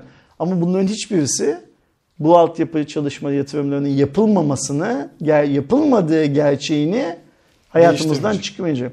5G'ye geçiyoruz. Hatta geçtik değil mi artık? Artık 5G'de istiyoruz. Havalimanında 5G'ye geçtik. Türkiye Cumhuriyeti artık 5G hizmeti veren ülkelerden bir tanesi. Ama bizim fiber altyapımız hala %92'de falan değil. Net. Değil yani. Hadi gel iPhone'a geçelim haber olarak. Biliyorsunuz zaten iPhone serisi Eylül ayının başında hep tanıtılır. Yani o tarihler hatta genellikle e, Almanya'da düzenlenen IFA dediğimiz e, teknoloji fuarında aslında teknoloji değil de e, tam olarak e, ne diyelim ona ev elektroniği ve teknoloji hı hı. fuarı diye çevirebileceğimiz fuara denk gelir. Bu sefer Bloomberg'den Mark Gurman'ın ki zaten bu tarz konularda en çok şeyi e, söylentileri doğru çıkan insanlardan biri 7 Eylül tarihinde düzenleneceğini e, iddia etti. Ve 16 Eylül'de de e, yeni ürünlere hazırlanması gerektiği yani 16 Eylül'de de ilk partinin satışa çıkması e, planlanıyor ve tabii ki sadece iPhone 14'ler değil o süreçte çıkacak Watch işte kulaklık vesaire falan da bu dönemde çıkacak. Yani aslında burada yaklaşık bir e, iki haftalık, üç haftalık, hadi iki buçuk hafta diyebileceğimiz bir e, süreç kaldı gibi görünüyor ama şu anda bir resmi açıklama yok, yok 7 Eylül için. Şimdi Mark önemli bir adam. Apple konusunda şöyle önemli bir adam. Büyük bir ihtimalle marka bu haberlerin tamamı içeriden birileri tarafından veriliyor. Yani hani işte bunu büyük gazetecilik olarak değerlendirebiliriz. Kullanışlı aptal olarak değerlendirebiliriz. De olaya nereden baktığımızla alakalı ama bu adamın Apple ile ilgili söylediği her şey doğru Çok çıkıyor. çıkıyor. Biz de bugüne kadar Cuma raporlarında falan şöyle olacakmış böyle olacakmış falan dediğimiz çoğu şeyi bu adamdan duyduk zaten. Ve şu anda hiç kimse de dünyada 7 Eylül tarihi doğru tarih değil demiyor zaten. Evet. Direkt hani tarihi belli oldu diye çok paylaşıyor. Çok. Bence 7 Eylül geç. Çünkü biz hep Eylül'ün daha önceki günlerinde Aynen. bunu görüyoruz. Yani ikisi Yedisine kadar gibi. çıkmış olurdu yani. Aynen öyle şey olarak. Bakalım görelim. 16 ee, Eylül Cuma'ya geliyormuş. 16 Eylül Cuma günde ilk satışlar yapılacak. Artık vatana millete hayırlı mı olur ne olur bilmiyoruz. Ya fiyatlar konusunda da çok şey konuşuluyor. Yani aynı fiyat olacak da deniyor. Ama mesela prolarda bir yükselme olabilir. Hani zaten şu anki söylentideki e, daha önce hazırladığımız videodan da çok büyük bir değişiklik yok. İşte 4 model olacak. Mini kalktı. E, mini büyük ihtimalle yeni SE olacak benim düşünceme göre. E, bir e, iPhone 14, bir iPhone 14 Max, bir iPhone 14 Pro, iPhone 14 Pro Max olacak. E, bunların da e, Pro modelleri yeni e, A16 Bionic'le e, düzler A15'in belki güncellenmiş denebilecek bir e, versiyonuyla çıkabilir. O A16'nın vesaire şeyiyle e, üretiminde yaşanan şeylerle alakalı fiyat birazcık artabilir. Ama düzler aynı fiyatta kalacak deniyor ama şöyle de bir durum var. Alacak olan düşünsün. Zaten o fiyatın artması bence şöyle olacak. Apple o e, senin daha önce aslında Mini'nin fiyatını düşünmemek gerektiği taktiği uygulayacak. Mini'yi çıkartacak. iPhone 14, iPhone 13'ün fiyatıyla satışa çıkacak. Ama şimdi diğerlere Pro'ya geçiyor ya. iPhone 14 Max, iPhone 14 Pro, e, pardon iPhone 13 Pro, iPhone e, 13, iPhone 14 Pro, iPhone 13'ün Pro Max fiyatına çıkacak. iPhone 14 Pro Max yeni bir fiyat segmentine çıkacak gibi düşünüyorum. Bakalım göreceğiz hani eğer 7 Eylül'de bir değişiklik olmazsa hep beraber bu fiyatları görmüş oluruz. E, işin üretim kısmına geldiğimizde yani TSMC tarafına geldiğimizde ise TSMC'nin e, bu Eylül ayı ile beraber N3 olarak adlandırdığı 3 nanometre üretim sürecine başlayacağı e, söyleniyor. Şu anda zaten N5'te 5 nanometre üretiyor. E, şimdi de e, N3'ün ilk neslini görebileceğimiz ve N3'ün N5'e yani 3 nanometrenin 5 nanometreye e, kıyasla %15'e varan bir performans artışı e, ama %30'a varan da bir verimlilik yani Hı-hı. daha az güç tüketimini sunması bekleniyor ve ilk müşterinin Apple bir diğer yandan tabii ki Intel olması bekleniyor ama bir diğer yandan da N2'ye yani 2 nanometre çalışmaları da devam ediyor. Bu birazcık artık iPhone 15'in işlemcilerinin ufaktan üretilmeye başlanacağı da anlamına geliyor ama bir diğer yandan tabii ki sene başından itibaren hani Intel'de de işte AMD'de de Qualcomm'da da keza Mediatek'te de bu süreçlerin kullanıldığı ürünlerin de görülmeye başlanması bekleniyor. Yani biz büyük bir ihtimalle tam bir yıl sonra filan şu günden bir yıl sonra filan bu N3 yongalarının kullanıldığı işlemcileri sahip cihazları pazarda görmeye başlarız. Kesinlikle ama burada tabii bir de şey de var. Üretim sürecinin eski dönemlere göre biraz daha erken e, olduğu da söyleniyor. Bunun sebebi özellikle işte bir önceki bu 5 nanometredeki hem yaşanan çip sıkıntısı hem işte e, belli başlı sorunlar vesaire derken onu birazcık Yani E3'te sektör çözüldü. bu kötü haf şeyi anıları silmek için biraz daha hızlı davranıyor. Umarım tabii yani Beyaz beyaz bir sayfa açmaya çalışıyorlar Erdoğan. bu temiz sayfayı Apple'a ve Intel'e açarak başlıyor ama e, Intel kanadında da bir diğer yandan sessiz sakin bir e, niyeyse evet böyle bangır bangır da konuşulmayan ekran kartı tarafı var. Arklar var. E, bunların da şu anda ortaya çıkan işte test vesaire durumlarına baktığımızda yani direkt e, Nvidia'ya AMD'ye rakip olacak gibi görünüyor. Çok farklı şey sonuçlar ne derler büyüleyici sonuçlar. Evet şey yani olarak. mesela serinin A380 ile A750 arasında alan giriş diyebileceğimiz e, 580'in e, Nvidia'daki RTX 360'a e, direkt rakip olacağı ama e, fiyatının da söylentileri mesela 360 dolar vesaire bandında bir hani e, Intel'den daha ucuz yapması beklenirken bu sefer e, 300 dolara kadar ineceği söyleniyor. Çok garip. Eğer olursa süper olacak. Kesinlikle. Bir diğer yandan 6 nanometrelik DG2 512 yongasını kullanıyor, kullanacağı söyleniyor ARC 580'in. Ve 16X'e çekirdeği 128 bit veri yoluna 8 GB GDDR6 belleğe sahip olacak. Bunlarla beraber zaten işte tahmini olarak 3060 rakibi olacağı söyleniyor. Ama A770 de yani 3070 rakibi olması beklenen e, ekran kartı da 419 dolar olacağı söyleniyor. Bu süreçte gerçekten hani e, Nvidia'dan da AMD'den de ucuz bir şekilde girmesi taktik açısından mantıklı ama bir de performansta yakın bir değer sunarsa bir anda artık yeni bir oyuncuyu görebiliriz Intel kanadında. Şimdi burada önemli olan şey daha ucuz olması, daha performanslı olması filan filan değil bence Aydoğan. Daha çok satıcının pazarda pazarda olacağı ekran kartı anlamında. Ve biz hani böyle işte biraz önce bahsettiğimiz Bitcoin'in e, fiyatının yükseldiği zamanlarda, çip krizinin olduğu zamanlarda filan daha çok alternatife sahip olacağız pazarda. Bu çok önemli. Ama görünen o ki Intel ilk kez ekran kartı tarafında Nvidia'nın ve AMD'nin canını sıkabileceğe benziyor. Öyle değil mi? Yani bir de şey durumu da var. Şimdi e, Intel'in markalar üzerindeki yani e, işte akıllı laptop üreticileri, PC üreticileri üzerinde de bir baskısı olabiliyor. Ve zaten tercih sebebi de şey oluyor. E, insanların zaten bazı kesimleri için işte ben Intel alırım hani o eski alışkanlıktan Şimdi gelen şeyi var. Intel'in geçmişte e, rekabet şartlarına uymayan hareketler yaptığını dünyanın her yerinde herkes biliyor. Nereden biliyor? Intel'in de Microsoft'un da bu konuda yediği cezalar var dünyanın farklı farklı yerlerinde. Sen diyorsun ki bu ekran kartı hikayesinde de yine Intel pazarı şey yapabilir, darlayabilir diyorsun değil mi? E, kanunlar el verdiği ölçüde tabii ki darlayacaktır. Yani hani e, bunu yapmaktan geriye dur. Yani şöyle bir şey var. Şimdi mesela benim işlemcimle benim ekran kartımı aynı bilgisayarda kullanırsam ben sana toplamda %10 indirim yapıyorum deme hakkına sahipse bunu diyecektir yasal olarak. Evet. Bu şey yapabileceği ne der kimsenin itiraz edebileceği bir durum değil. Değil. Ha burada iş şeye kalıyor işte. Ee, bilgisayar üreten şirketler bunu ne derece şey yapacaklar, ciddiye alacaklar, Yani bir de karşılık bulacak. Ellerine şey kozu da gelecek. Şu an tabii ki AMD'nin her ikisini de üreten e, bir firma olduğu için işte işlemci AMD, ekran kartı AMD olduğunda bellekleri birlikte kullanma vesaire performans artışı gibi avantajları var. Hani bir diğer yandan e, benim de gözümde de hep Nvidia'nın hani Intel'e daha yakın e, davrandığını şeylerde de anlarız zaten işte birlikte çalışırken ürünler e, AMD ile Nvidia kullanmandan ziyade Intel'le biraz daha şey çalışır. Laptoplarda da öyledir zaten. AMD ise kendi birimi, Intel ise şey vardır. E şimdi Böyle bir durumda Nvidia ne olacak?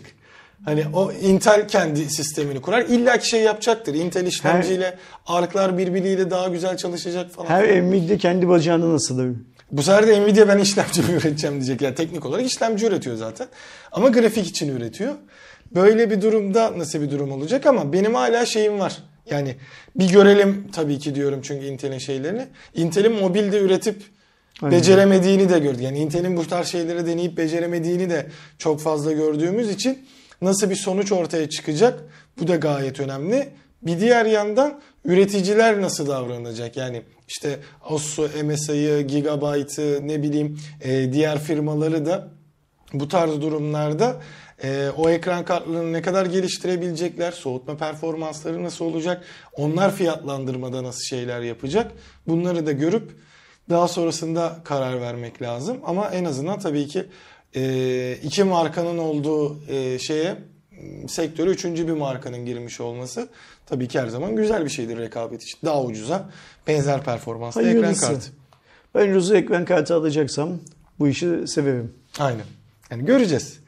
Biliyorsunuz geçtiğimiz hafta bu 6 ay 6000 kuralının e, yürürlüğe girmek üzere olduğundan bahsetmiştik. Resmi gazetede de yayınlandı.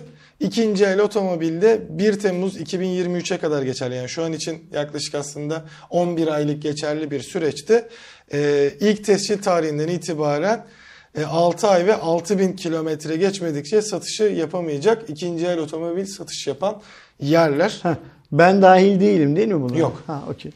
Ee, kendi adlarına tescil taşıtlarında 15 Eylül 2022'ye kadar satılmasına izin verilecekmiş ama biz bu muhabbet çıktığından beri konuşuyoruz. Şöyle bir durum var. Ee, ben eşimin dostumun üzerine alıp arabayı satarsam Şimdi bu galericilerin yani ne diyor ee, şeyde ticaretle uğra ikinci el otomobil ticaretiyle, uğraşanlar için deniyor bu. Evet bildiğimiz ee, galericiler. Zaten kişilerde bir yıl içinde yapılan sınırlama var bildiğim kadarıyla. Üç kere mi altı ne alıp satabiliyorlar vergiden muaflar ondan sonrasında vergi ödemek zorunda zaten kişiler. Şimdi bakalım bu uygulama 1 Temmuz 2023 tarihine kadar bu suni oluştuğu söylenilen fiyatların geriye çekilmesine faydalı olacak mı? İlk örnekler yani kanun daha konuşulur konuşulmaz sektörde, sektör dediğim ikinci el araç alım satımı yapılan galeri, bayi filan gibi yerlerde bir paniğe neden olduğu konuşuluyor. E, amaç burada işte e, otomobillerin hak etmedikleri kadar pahalı rakamlara el değiştirmelerinin önünü almak. Evet. Çünkü şeyi görüyoruz yani hani e, özellikle işte Murat abinin paylaşımlarıyla daha net görüyorum. Aracın sıfır fiyatından pahalıya ikinci eli satılıyor yani. Sıfır olmayınca yani şeyin olmadığı yerde şey Abdurrahman Çelebi muhabbeti sıfır araba olmayınca ikinci eli şey ya da mesela bunu konuştuk seninle Mesela bugün e, Borusan'a gidip otomobil almak istersen sana diyor ki Aralık ayında veririm arabanı diyor. Üstüne diyor 75 milyar lira diyor bana kapı vereceksin. Zaten 6 ay bekletiyor aslında seni. Ha. 75 milyar diyorsun arabanın nasıl vereceğiz 75 milyarı? Yani ben sana 75 milyarı dolar olarak vereceğim. Sen arabanın bana vereceğin gün dolar olarak düşecek misin? Yok hayır diyor. Peki arabanın fiyatını bugünden fix diyor muyuz? Yok hayır diyor. Ama benim param 6 ay boyunca borsanın cebinde kalacak. Sıfır araba almak istiyorsam. Ve 3 bin lira 5 bin lira. Geçen yıl bu işte 3 bin liraya 5 bin liraya yapılıyordu. Şimdi niye 75 milyar? Artık 75 milyar diyor. 75 milyar vereceksin. Yani bütün Türk halkı keriz, borusan akıllı. bu çıkıyor ortaya. Hepimiz götüreceğiz 75'er milyarımızı borusana vereceğiz. Onlar o 75 milyar liralarla bizim vereceğimiz 75 milyar liralarla aralara kadar bana arabayı verene kadar bir şeyler yapacaklar. Evet. Ne yapacaklarını bilmiyoruz. Benim paramın değeri düşecek büyük bir ihtimalle ortada. Onun arabasının değeri yükselecek büyük bir ihtimalle. Arada kaybeden tek ben olacağım. Kazanan tek Borusan olacak. Ve Borusan diyecek ki ben Türkiye'de BMW otomobil satıyorum. Değil mi?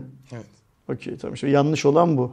Şimdi bu yanlışlıkların devamında ne oluyor? Deniyor ki Borusan gibi satıcılar ya da BMW gibi markalar getirdikleri arabaların büyük çoğunluğunu e, bayilere veriyorlar.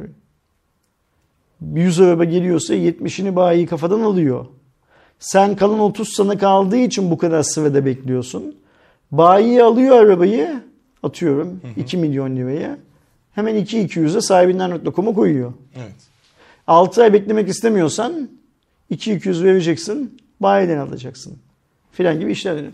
Şimdi bu 6 ay ve 6000 kilometre kuralı eğer bu yapıyı normale döndürecekse... Döndürebilir mi ondan emin değilim işte. Ne hala yok göreceğiz işte bak şimdi. 1 Temmuz 2023 insan ömrü geçiyor gidiyor. 1 Temmuz 2023'te bu uzatılacak mı? Yerinde hiçbir şey yapılmamasındansa bir, bir 6 ay 6 aynen bunu bir deneyelim bakalım görelim.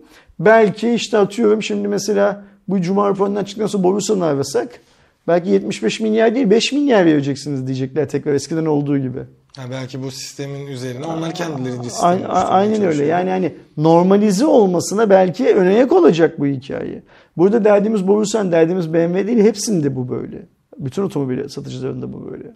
Yani, yani mesela bir şeyin kullanılmışı sıfırından daha pahalı olur mu herhangi bir yerde? Yani. O yüzden bir görelim bakalım. İnşallah bir işe yarar.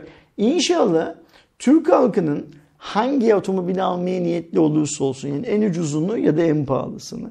Türk halkının zar zor çalışıp kazandığı para aralarda birilerine şu anda peşkeş çekiliyor. Ve bana soracak olursam peşkeş çeken otomobil sektörünün kendisi. Ben evet. böyle düşünüyorum.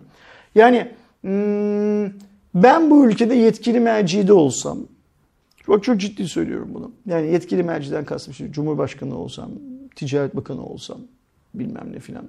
Türkiye'de kaç tane otomobil markası var? 30 var mıdır? Daha fazladır. 50? Yani. Marka. Bence 30 bile yoktur. Nereden 50 var? İşte sayalım BMW bilmem ne bilmem ne bilmem ne falan. Hadi 50 diyelim. Bu 50 tane markanın birer tane CEO'su var değil mi? Hı hı. Bu birer tane CEO'nun hepsini eş zamanlı olarak Ankara'ya çağırıyor. Seve seve gelecekler. Gelmiyorum diye şansları yok. Bugün Cumhurbaşkanı çağırırsa, bakan çağırırsa hepsi koşu koşu gidecekler. Burada böyle bir sorun var. Size 3 ay zaman veriyorum. Bu sorunu çözdünüz, çözdünüz. Çözmediniz, kamunun yaptığı tüm otomobil alımlarını durduracağım derim. Türkiye'de kamudan daha büyük bir müşteri var mı? Yok. Otomobil sektöründe de yoktur büyük bir ihtimalle. Ve sizin bu otomobilleri gümrükten sokamamanız için her türlü zorluğu da çıkartacağız size. Gerekiyorsa tek tek kontrol edilecek bu otomobiller. Öyle ya şimdi cep telefonunda nasıl oluyor? Bir parti geliyor içinden seçmece ürünler alınıyor. Otomobilde de öyle seçmece bakılıyor bu otomobillere. Tek tek hepsi kontrol edilecek gerekiyorsa. Ve bu adamları göndereceksin İstanbul'a sonra. O hani süper plazalarda e, korumaların içinde falan yaşıyorlar ya halktan kopuk olarak. Göndereceksin İstanbul'a. Gidin çözün lan bu derdi. İki haftaya kalmaz çözerler bu derdi. Ne suni fiyat köpüğü kalır ne işte ikinci elin sıfırdan pahalı olması kalır filan. Dert Aydoğan'ın Ersin'in bir tane iki tane otomobil alması. Kamu aldığı zaman 100 tane birden alıyor. Aynı otomobiller. Bugün kamu Türkiye'de eskiden ben çocukken kamu Renault kullanıyordu çoğunlukla. En iyi ihtimalle Ford filan kullanıyor. Bugün evet. bakıyorsun polisin, belediyenin, diğer devlet dairelerinin, savcıların filan kullandığı otomobilleri, makam otomobilleri her marka araba var. Evet. Her marka, her sınıf otomobil var. Yani biz e, polis otomobili olarak e, Mini Cooper da görüyoruz. CHR da görüyoruz. Aynen öyle onu da görüyoruz. E, ok meydanına eğer e, şeye adliyenin önüne bir akşam saat 4 falan gibi gidersen protokol kapısının önünde savcıların kendi kullandıkları BMW'leri ve Mercedes'leri görüyorsun BMW, makam arabası Mercedes, olarak. Audi, bilmiyorum. Aynen öyle. O yüzden kamunun 6 ay otomobil almayı durdurmasıyla hiçbir bizim paşazademiz, kaymakamımız, valimiz, bilmem nemiz filan eteğindeki taşlardan, altınlardan olmaz. Hepsi hayatına devam eder. Ama sen 6 ay e, çok yaşıyor oğlum. Sen 6 ay e, otomobil satamazsa bu adamların hepsi görevlerinden olurlar. Kamuya otomobil satamazlarsa görevlerinden olur. Yani 6 ay 6 bin kilometre kuralı çok doğru bir kural. İnşallah işe yarar. Hiçbir şey yapılmamasındansa hani demişti ya eleman hiçbir şey olmadıysa da bir şey evet. oldu diyor. Hiçbir şey olmamasındansa bir şey olması iyidir bu hikayede. Ama çözümün başka yöntemleri de var. 10 ee, dakikada da bu iş çözülürdü. Niye? Yaklaşık bir yıldır, bir buçuk yıldır bu böyle. Evet. Ayrıca insanlar şöyle bir şey zannediyorlar Aydoğan onu da söyleyeyim. Ee, enflasyonun bu kadar yükselmesinde otomobillerin payı var mı? Enflasyon paketinde otomobil falan yok. Yok. Yani e, ikinci el otomobil sektörü bu işin bokunu çıkardı diye ülkenin ekonomik parametreleri çok çok daha hızlı kötüye gidiyor değil. Tabii ki kötüye gidişte bunun da payı var ama çok muazzam değil. Tıpkı bir zamanlar Sayın Başbakan'ın, şu an Cumhurbaşkanı olan Sayın Başbakan'ın, o zamanki Başbakan'ın cep telefonları nedeniyle dış ticaret açığının arttığını ima etmesi gibi.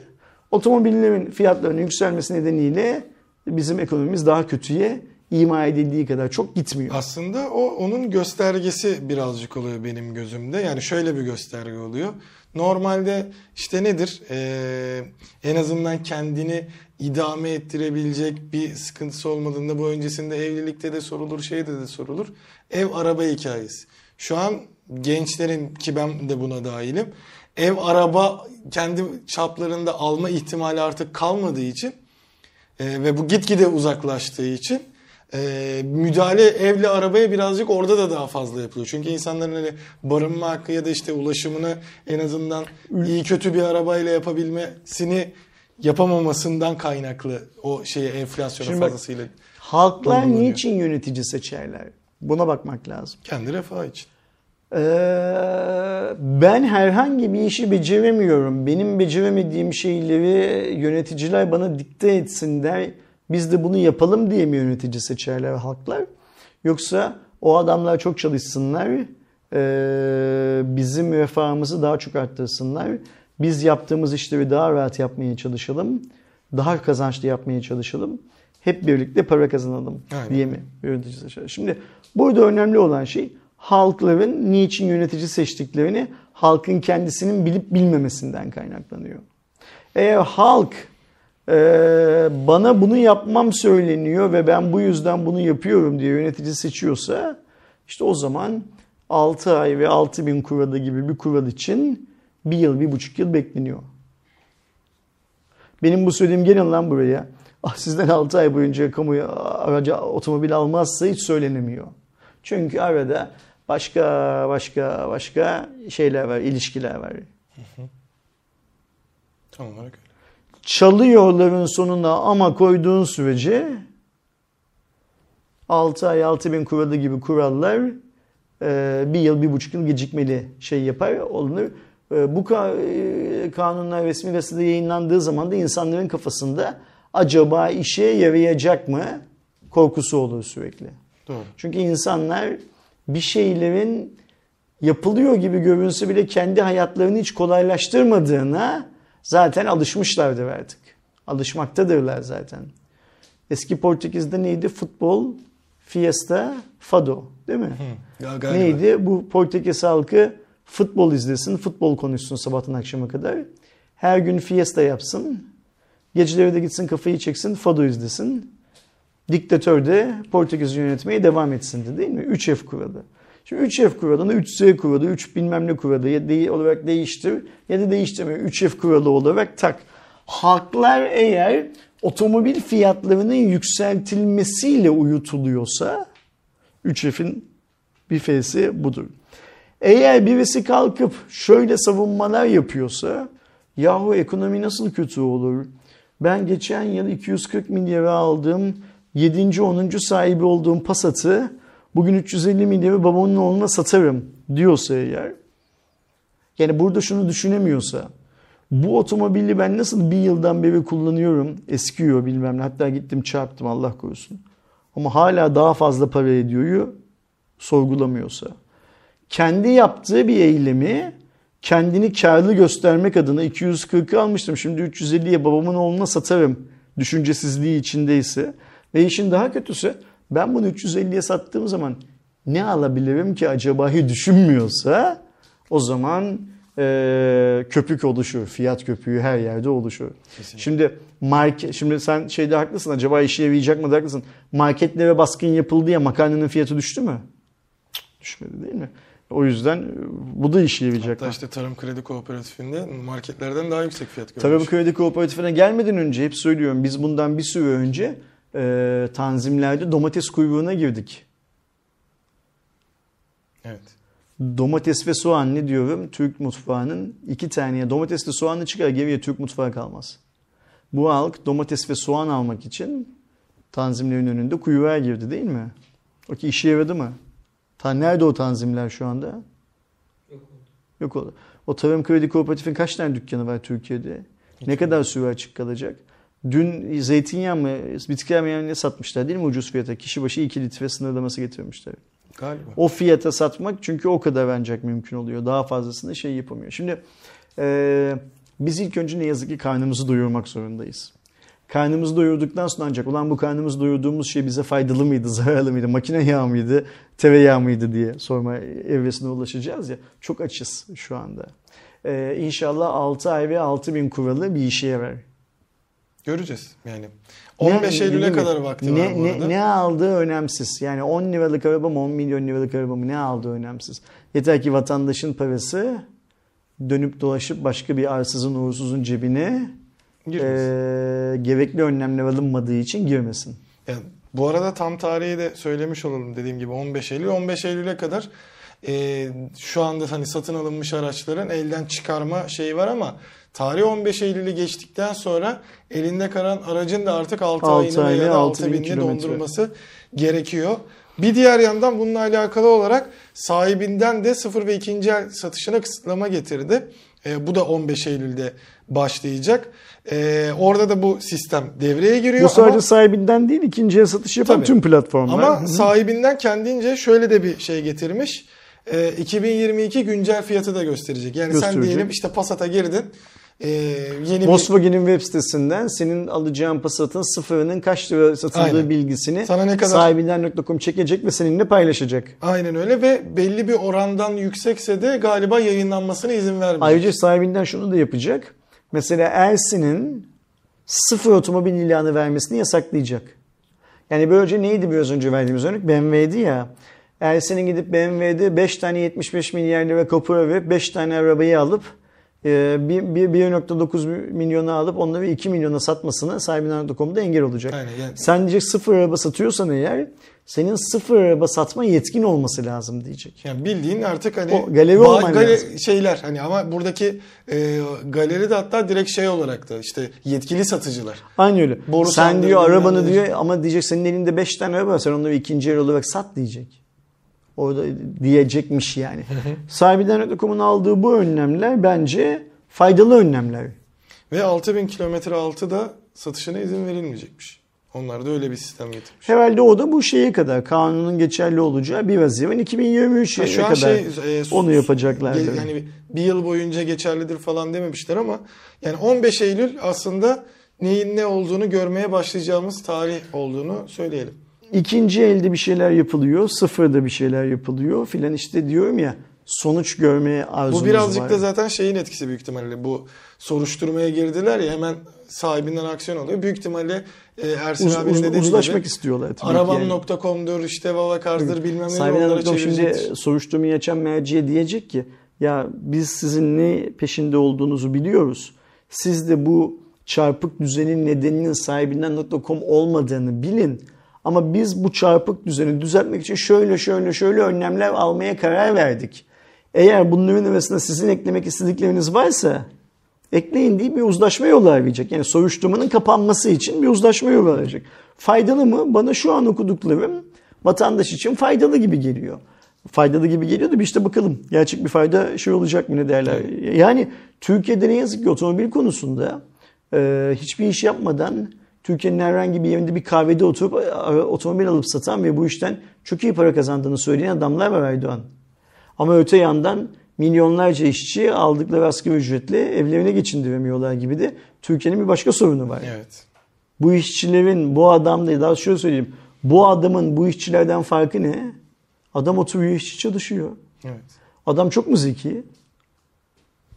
Adam çok mu ayrıcalıklı? Böyle bir ayrıcalıklı bizim pozisyonumuz var mı Türkiye'de? Yani benle sen eşit değil miyiz? Benle o işçi, benle o adam eşit değil mi?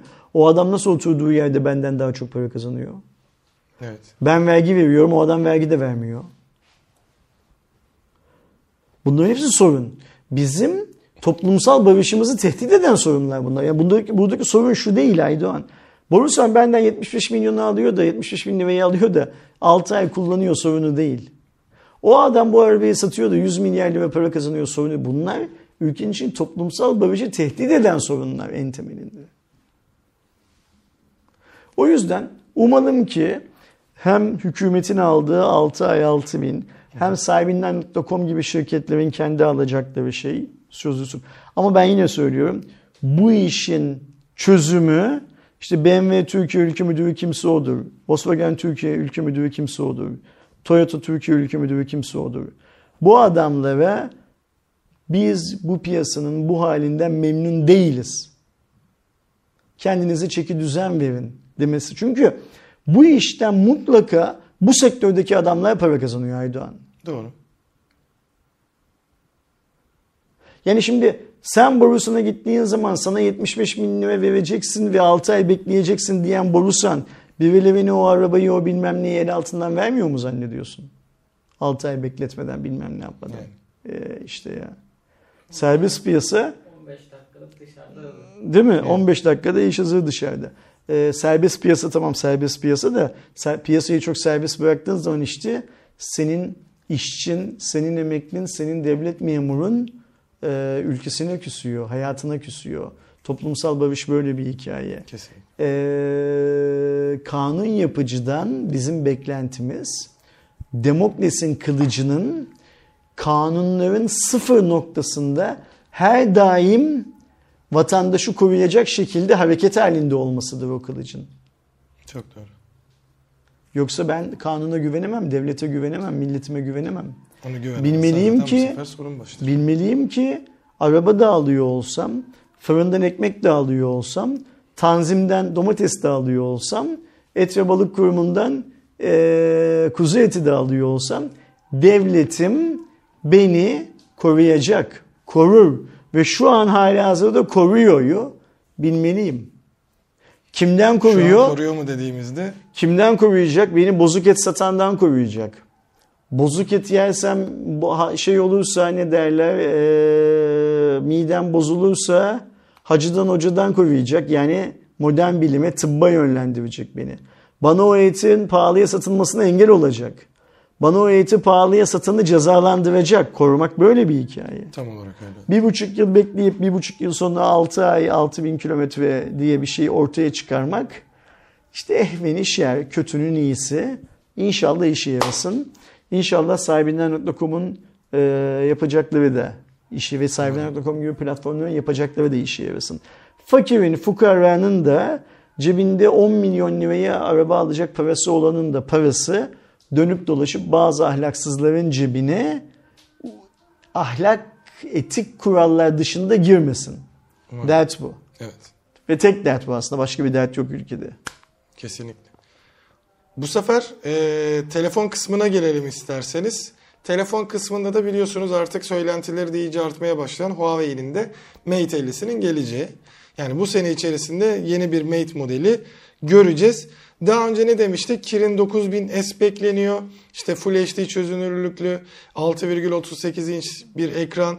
E, 120 Hz yenileme hızı, işte güzel kameralar ama bu sefer artık şey kalmadığı için, Leica kalmadığı için X-Mage dedikleri kendi artık Leica ile beraber o öğrendikleriyle, how-to'ları ile beraber çıkaracakları bir e, kamera çözünürlüğü çözümü olacağı söyleniyordu. Ama şu anda e, Teki Preacher'ın e, yaptığı sızıntıya ve Weibo'da yaptığı şeye göre, kaynaklarına göre verdiği bilgide yine Snapdragon 888'i Mate 50'de göreceğiz gibi ve bu demek ki hani e, Qualcomm anladığım kadarıyla hadi 8 Gen 1'i daha önce de söylemiştim hani e, Huawei incelemelerinde 8 Gen 1 istememiş olabilir ya bu ısınıyor zaten dert vesaire falan filan. Plus da çıktı. Mediatek çözümleri var. Mediatek'i kullanıyor da. Ama yine hani artık e, rakip olarak iyi bir atılım yapmasının beklediği, elinden şeyin de gittiği, e, dediğim gibi Leica gitti. Yani o güzel bir e, şeydi bu durumda. Zaten telefonu satmakta, üretmekte zorlanıyorsun. Bu durumda yine 888'i tercih edeceği ve Mate 50'de bunu göreceğimiz söyleniyor. Yine tabii ki 4G'lisi olacak. Böyle bir durumda globalde sence nasıl bir etkisi olur abi böyle çıkarsa? Ya şimdi burada esas sorun şu. Yani şunu anlamak lazım. Cep telefonunda Huawei yaşamaya çalışıyor. 8 Gen 2 gelecek bunlardan sonra bu arada. Yaşamaya çalışan adamın da keşke keşkelerimiz bir işe yaramıyor. Yani keşke e, Leica ile çalışmaya devam etseydi. Keşke işte şu işlemciyi kullansaydı bilmem ne filan filan. Burada e, belki Huawei biz şu anlık cep telefonunu durduruyoruz. Cep telefonu işinden çekiliyoruz. Stop, pause alıyoruz durumu dese finansal anlamda Huawei için daha karlı bir hale dönebilir iş. Belki. Ya da durumu açıklasın mesela. Yani Mate 50 lansmanında eğer büyük ihtimalle Yonga'dan bahsedilmeyecek tabii 888 ise ama e, neden böyle bir şey olduğuna dair bir bence resmi açıklama lazım. Çünkü teknik açıdan baktığımızda e, Mate 40 Pro'nun 888'den iyi olduğu da söyleniyordu. Mate 40 Pro'nun Kirin işlemcisinin birçok noktada. Şimdi sen geriye mi gideceksin Mate 50'de yani? Şimdi ama kimin üretemiyor adam? Yani kimin üretmesi için ihtiyaç duyduğu maddeleri dünyanın üzerinde hiçbir şirket bunlara O zaman satmıyor. niye mesela Dimensity kullanmıyor? Çünkü Dimensity'yi yani şey MediaTek kullanıyor. Şimdi ben işin bu nedeninden, niçininden, bilmem nesinden filan öte fotoğrafı tespit etmekten, fotoğrafı çekmekten yanayım. Yani bundan daha iyisini yapamıyor adam şu anda. Yani Aydo adam yapamıyor daha iyisini şu anda. Kesinlikle. Öyle bir durum var ve hani biz konuşuyoruz ya kendi aramızda işte şöyle olsaydı böyle olsaydı falan. Bunları onlar konuşmuyor mu zannediyorsun şirkette merkezinde, Çin'de, Pekin'de? O da doğru tabii. Onlar da farkındalar neyin ne olduğunu. Elden gelen malzeme bu- şey bu. Ee, En iyisi bu yapılabileceklerin. Hiçbir şey yapmamak bir seçim. Bu tarz şeyler yapmak bir seçim.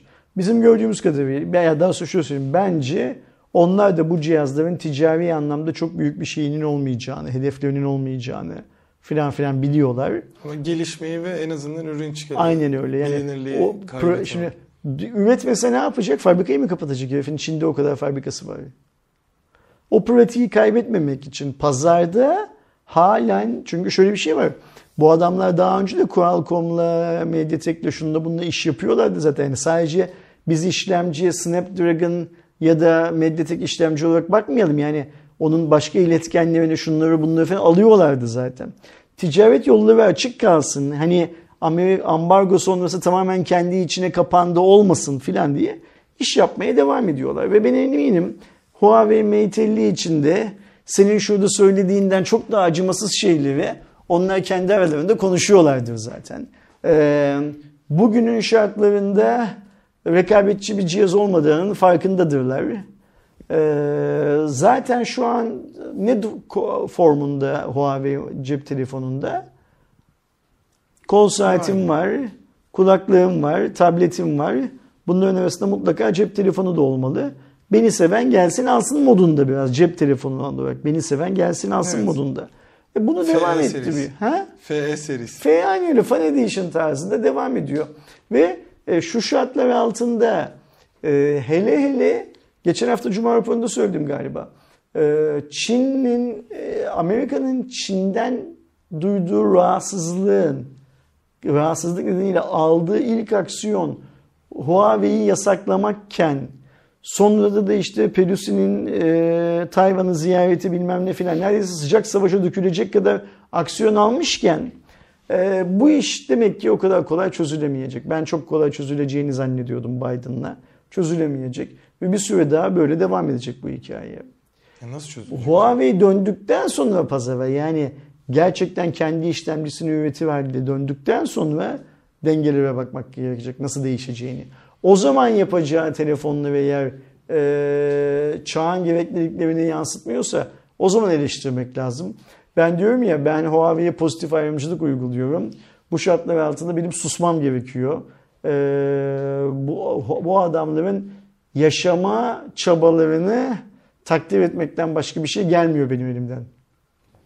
O zaman Amazon kısmına geçelim. Biliyorsunuz aslında şu TikTok'la başlayan dikey furyası işte Instagram'ın Reels, YouTube'un Shorts bilmem ne bilmem ne etkisiyle her yere yayıldı.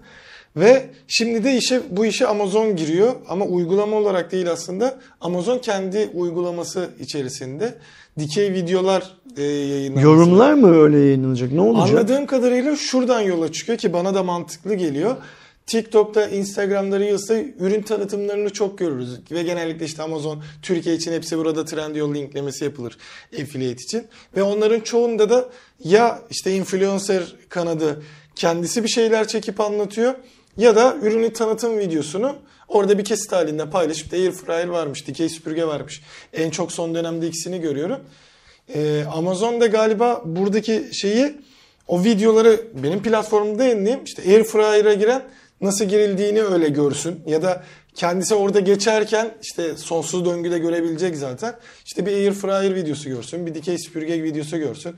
Ne bileyim bir tasma videosu görsün. Köpek tasması bir şey.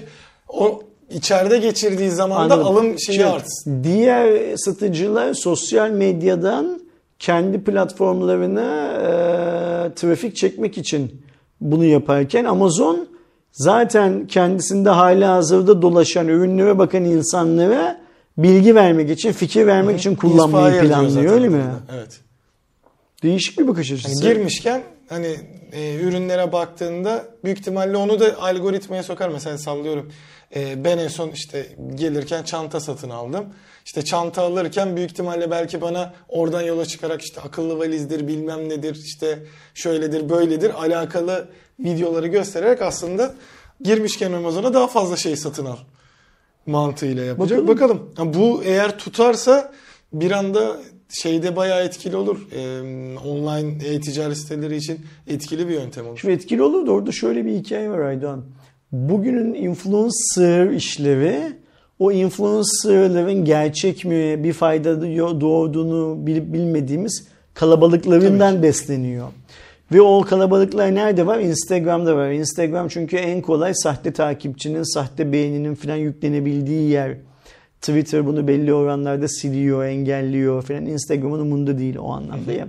Şimdi Amazon şurada senin anlattığın anladığım kadarıyla diyor ki senin diyor normal dünyada diyor bir takipçi mi bir milyon takipçi mi olduğunda ben çok fazla ilgilenmiyorum diyor Amazon'un dışında. İçeriği üret diyor getir diyor benim alışveriş sistemin içine koy diyor. Ben onu senin ürettiğin içerikteki ürünle ilgilenebilecek insanlara ben göstereyim diyor. Yani Amazon burada bir nevi platform görevi de üstleniyor. Ve belki aynen geçmişte kendi yorumcuları arasından öyle ya şimdi Amerika'da çok ünlü Amazon yorumcuları var. Teknolojiden bakmışsana mesela bahçe ürünleri konusunda, mutfak ürünleri konusunda filan. Bir bakıyorsun adamın 10 bin tane yorumu var. Adamlar Amazon'daki yorumlarından şey yaparak, e, ünlenerek YouTube kanalı açanlar, televizyona program yapanlar, kitap yazanlar var şeyde Amerika'da. E, şimdi kendi influencer'ını yaratacak gibi geliyor bana. Yani bence de. Yani Aydoğan'ın işte o Reels tarzı dik videoları bugüne kadar 100 milyon kez izlendi diyecek mesela.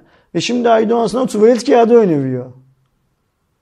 Çok güzel sil diyor Aynen. diye. Rahat rahat. Şey işte. e, hem platform olarak kullandırıyor ama şey hem ürünlerime video çekin onu kullanayım diyor. Aynen öyle. Tanıtımını da yaptırmış oluyor işte. Evet. Mis de gibi. Nasıl kullanılır diyor. Aynen zaten to burada- falan da kesin olur orada. Burada şuna bakacağız. Sen benim sırtımı kaşı, ben senin sırtını kaşıyım formunda. Ya şeyi Amazon bunu yapan ne ve ne vaat ediyor? Niye yapsın bu adamlar? Ya bir de bunu? ama şey olabilir. Şu an mesela ben ne yapıyorum? İşte bir tane ürün gördüğümde şey olduğumda e, kullanmadığım bilmediğim bir ürünse işte gidiyorum Google'a yazıyorum. YouTube'da videosuna bakıyorum. Onu da belki böyle aşama aşama şey olabilir. Yani işte e, diyelim işte önümde bir Asus laptopu var. İşte ZenBook 14 OLED. E, bunun zaten işte bizim kanalda Reklam tamam incelemesi gelecek. Ha gelecek. Ee, ama mesela ZenBook 14 OLED'in şeyine girdiğinde orada onun incelemesi, temel çapta ne işe yarar falan filan videolar oldu mu Amazon'dan çıkmanı da istemiyor olabilir. Bir, bir seçenekli bu oluyor. Ama aynı şeyi yine soracağım. İçeriği üreten adama yani şu anda o dikey videoyu üreten adama ne verecek Amazon? O önemli olan. Çünkü niye? Instagram'da bir şey vermiyor diyebilirsin. Instagram'da bir şey vermediği haliyle bu influencerlar yalan yanlış şeylerle Gösterim başı verirse güzel iş yapar. para kazanıyorlar. Çünkü sırf onu göstermek He. için influencer da Instagram'dan, Twitter'dan bilmem nereden o ürünü linkleyecek. A- aynen öyle. Git oradan bak hani ben orada anlattım Aynen. zaten diye. Bakalım görelim burada sanki yeni bir pazar açılıyor gibi geliyor bana. Amazon'un ne kadar büyük olduğunu, ne kadar para kazandığını bildiğimiz için de bu pazarın sanki o Instagram denilen kumdan kaleyi üfleyerek çökertme ihtimali de var gibi geliyor bana. O kısmını kesinlikle şey yapabilir. Bakalım. Bakalım, göreceğiz. Haftayı da üzücü bir e, haberle kapatalım. Özellikle e, oyuncular bazında zaten konsoldaki oyun fiyatlarının ne kadar coştuğunu biliyorduk ki hani geçtiğimiz senelerde bizim kanalda da var hatta e, benim yaptığım içerikler de vardı işte PlayStation mı PC mi Xbox mı hangisini almak daha mantıklı. Bu durumda biz ne diyorduk aslında? e, geliştirmeye açık olduğu için PC'nin avantajı var. Niye? Çünkü Steam'de oyunlar konsoldaki yani PlayStation'da Xbox'ın sattığı oyunlara nazaran çok daha uygun. Ha, Xbox ve PlayStation kanadı burada işte Game Pass ve PlayStation e, Plus hizmetini de artık aylık ödemeye çevirerek bunu bir güzelleştirmiş oldu. Konsol oyuncularına kolaylık getirdi ama e, Steam'in fiyatları her zaman çok güzeldi ama artık değil. Normalde Steam'de Türkiye için ayrı bir bölgesel fiyatlandırma vardı. Her ne kadar e, üreticiler yani işte ne bileyim işte Bandai Namco'su, Ubisoft'u falan kendince orada yine ücretlendirme yapabilecek olsa da e, Türkiye'deki standarda göre bir fi- fiyat veriyordu ve e, Avrupa'da ve Amerika'da nedir fiyatlar? 60 dolar 60 eurodur. Buna göre çok çok uygun kalıyordu ve dünyadaki en ucuz oyunlardan e, birilerine sahip oluyorduk ki bu fiyatları bile 200-300 liradayken ama son dönemde artık bu fiyatlandırmanın artmaya başladığını görüyoruz. Birçok e, firma Türkiye'deki fiyatlarını artık 60 dolar seviyesine çıkarmasa da oraya yakın seviyeye çıkarıyor. Döviz kuru farkını da gördüğümüzde bir anda e, dün baktığınız oyunda ya da bir saat önce baktığınız oyunda %838'e varan zamlanma fiyat görebiliyorsunuz. Bu olması normal bir şey bu arada. Onu da söyleyeyim. her şey zamlanıyor. Bu da zamlanacak. Böyle bakmak Dövize lazım olaya. endeksleniyor yavaş yavaş. Benim tekrar. şöyle bir durumum var. Ben bugüne kadar Steam indirimlerini, Steam fiyat artışlarını falan takip ediyordum. Eş durumundan diyelim, oğlum durumundan, doğuş durumundan. Artık biz Steam alışverişlerinde cüzdanları ayırdık doğuşta. O yüzden abi bugünden sonra artık takip etmem gerekmiyor. Ben Steam'den bir şey almıyorum, almam. İşim yok. Doğuş düşünsün. Ya ben de mesela almayı bırakmıştım. Yüzde bir- sekiz yüz zam. Çok para. Parası varsa versin. Beni ırgalamıyor artık bu saatten sonra. O yüzden biz cüzdanları ayırdıktan sonra böyle bir zammın gelmesinden şey değilim, e, rahatsız değilim. Geçen ay gelseydi bu zam çok rahatsız olabilirdim mesela ama bir şey olarak. E, o yüzden şimdilik e, şeyde değilim yani hani umurumda da diye zam gel, gelsin filan modundayım bir şey olarak. 222 öyle mi? 220. 220 ha. 220. 220. Cuma raporunu bitirdik. Evet. Eline sağlık. Yine çok güzel haberler derlemişsin. Çok güzel sohbet ettik. Hmm, bazı arkadaşlarımız rahatsız oluyor bu sohbetlerden biliyoruz. Ee, ama videoların altındaki time kodlar bu iş için var. Sohbetin tamamını dinlemek Evet. zorunda değiller. Ben dinlemelerini öneririm. O ayrı mevzu. İzlemelerini öneririm. O ayrı mevzu. Ama zorunda değiller. İsteyen hiç izlemez, hiç dinlemez, Tabii. hiç şey yapmaz. O onların bilici işi. Özgürlük ve demokrasi böyle bir şey. Yani kimin ne izleyeceğine, kimin ne izlemeyeceğine kişinin kendisi karar vermeli. Biz şey diyemeyiz. İzle, izleme diyemeyiz. Biz ortaya bir mal koyuyoruz değil mi? İçerik TOG için de aynısını demiyoruz. Sen ortaya koy şu malı ne kadar talep geleceğine bağlı. Biz ortaya bir mal koyuyoruz. Tabii ki biz yayıncı olduğumuz için bir şey satmıyoruz. Karşılığında kimseden bir para rica etmiyoruz. Şey zannedenler var ya işte sizin kanala biz abone olduk bilmem ne filan filan. Ben onların hepsine aynı şeyi söylüyorum. Bu kanalın YouTube'dan kazandığı reklam geliri bu şirkette içilen çay kahve paralarını ancak karşılıyordur. Belki biraz fazlası, belki biraz az oluyordur zamandan zamana bilmiyorum tam olarak ne olduğunu. O kadar umurumda değil ne para geldiği. Ee, bir şey satmadığımız için de daha rahat konuşuyoruz. Malımızı kimseye beğendirme, kimseye bilmem ne yapma derdimiz yok. Keyif alıyoruz. Keyif almaktan ba- bildi, keyif alacağımızı bildiğimiz konuları seçiyoruz konuşurken. Daldan dala atlama bilmem ne filan gibi konularda da kendimizi şey yapmıyoruz. Yani bu 40 dakika mı oldu, 2 saat 40 dakika mı oldu? İzleyen izler, izlemeyen o kendi sorunu. İzlemediğiyle. Ben şey diye düşünüyorum. izlemeyen kaybeder diye düşünüyorum mesela. İzlemeyen de oh ne güzel hayatımdan bir saati çaldırmadım diye Tabii. düşünsün. Bu işler böyle işler. Önümüzdeki hafta 221. Cuma raporu değil mi? Evet. E Sen Almanya'ya gidersen ne zaman gidiyorsun? Ee, 30'unda gidiyorum. Yani önümüzdeki hafta da Önümüzdeki varsın. hafta varım. Ondan Okey, sonraki hafta tamam. eğer gidersem yokum. Ee, Alman hükümeti eğer Aydoğan'ı kabul ederse Aydoğan Almanya'ya gidecek değil mi? Ee, ama Alman hükümeti şu anda Aydoğan'ı kabul Sen etmiyor gibi görünüyor. Yani, yani sen gel sen gel sen gel sen gelme falan demiş durumda. Ee, şey garip tabii yani hani Yani. pasaportunda bu kadar vize olan defalarca Almanya'ya bu kadar girmiş çıkmış olan bir adam. Hep aynı tarihlerde Niye, mi, niye, niye mimliyorlar? Ee, Niye mimledikleri garip tabii ki. Benim tahminim sen Almanya'da bir bok yedin büyük bir ihtimalle. O yüzden senin de? Se, se, seni o yüzden şey, toplum huzurunu bozacak bir şeyler yaptın büyük bir ihtimalle. Almanya'da. o yüzden seni şeye ne derler e, o kutsal memleketlerine sokmak istemiyorlar diye tahmin ediyorum. Dur bakalım göreceğiz. E, niye gidebilirsen de şey için gideceksin değil mi? TP Vision'ın yani Philips TV'nin IFA fuarı öncesindeki Berlin'de yapacağı yıllık standart toplantı için gideceksin. Philips bunu Avrupa'nın farklı farklı noktalarında yapıyor. İnşallah bir gün Türkiye'de de yaparlar. Ee, onun sonrasında da hemen başlayacak olan İFA fuarı için Gide- gideceksin gidebilirsen. Okey tam önümüzdeki hafta buradaymış. Önümüzdeki hafta zaten gidip gidemeyeceğin biraz daha olur artık yani. net belli olur. Umarım Arkadaşlarımızla o bilgiyi de paylaşıyoruz. 221. Cuma raporunu böylece bitirdik arkadaşlar. İzlediğiniz için çok çok teşekkür ederim hepinize. Lütfen yorumlarınızla konuştuğumuz konuları zenginleştirmeye devam edin. Ee, 221. Cuma raporu için de yine burada karşınızda oluruz Aydoğan'la. O videoda görüşünceye kadar kendinize iyi bakın. Hoşçakalın. Hoşçakalın.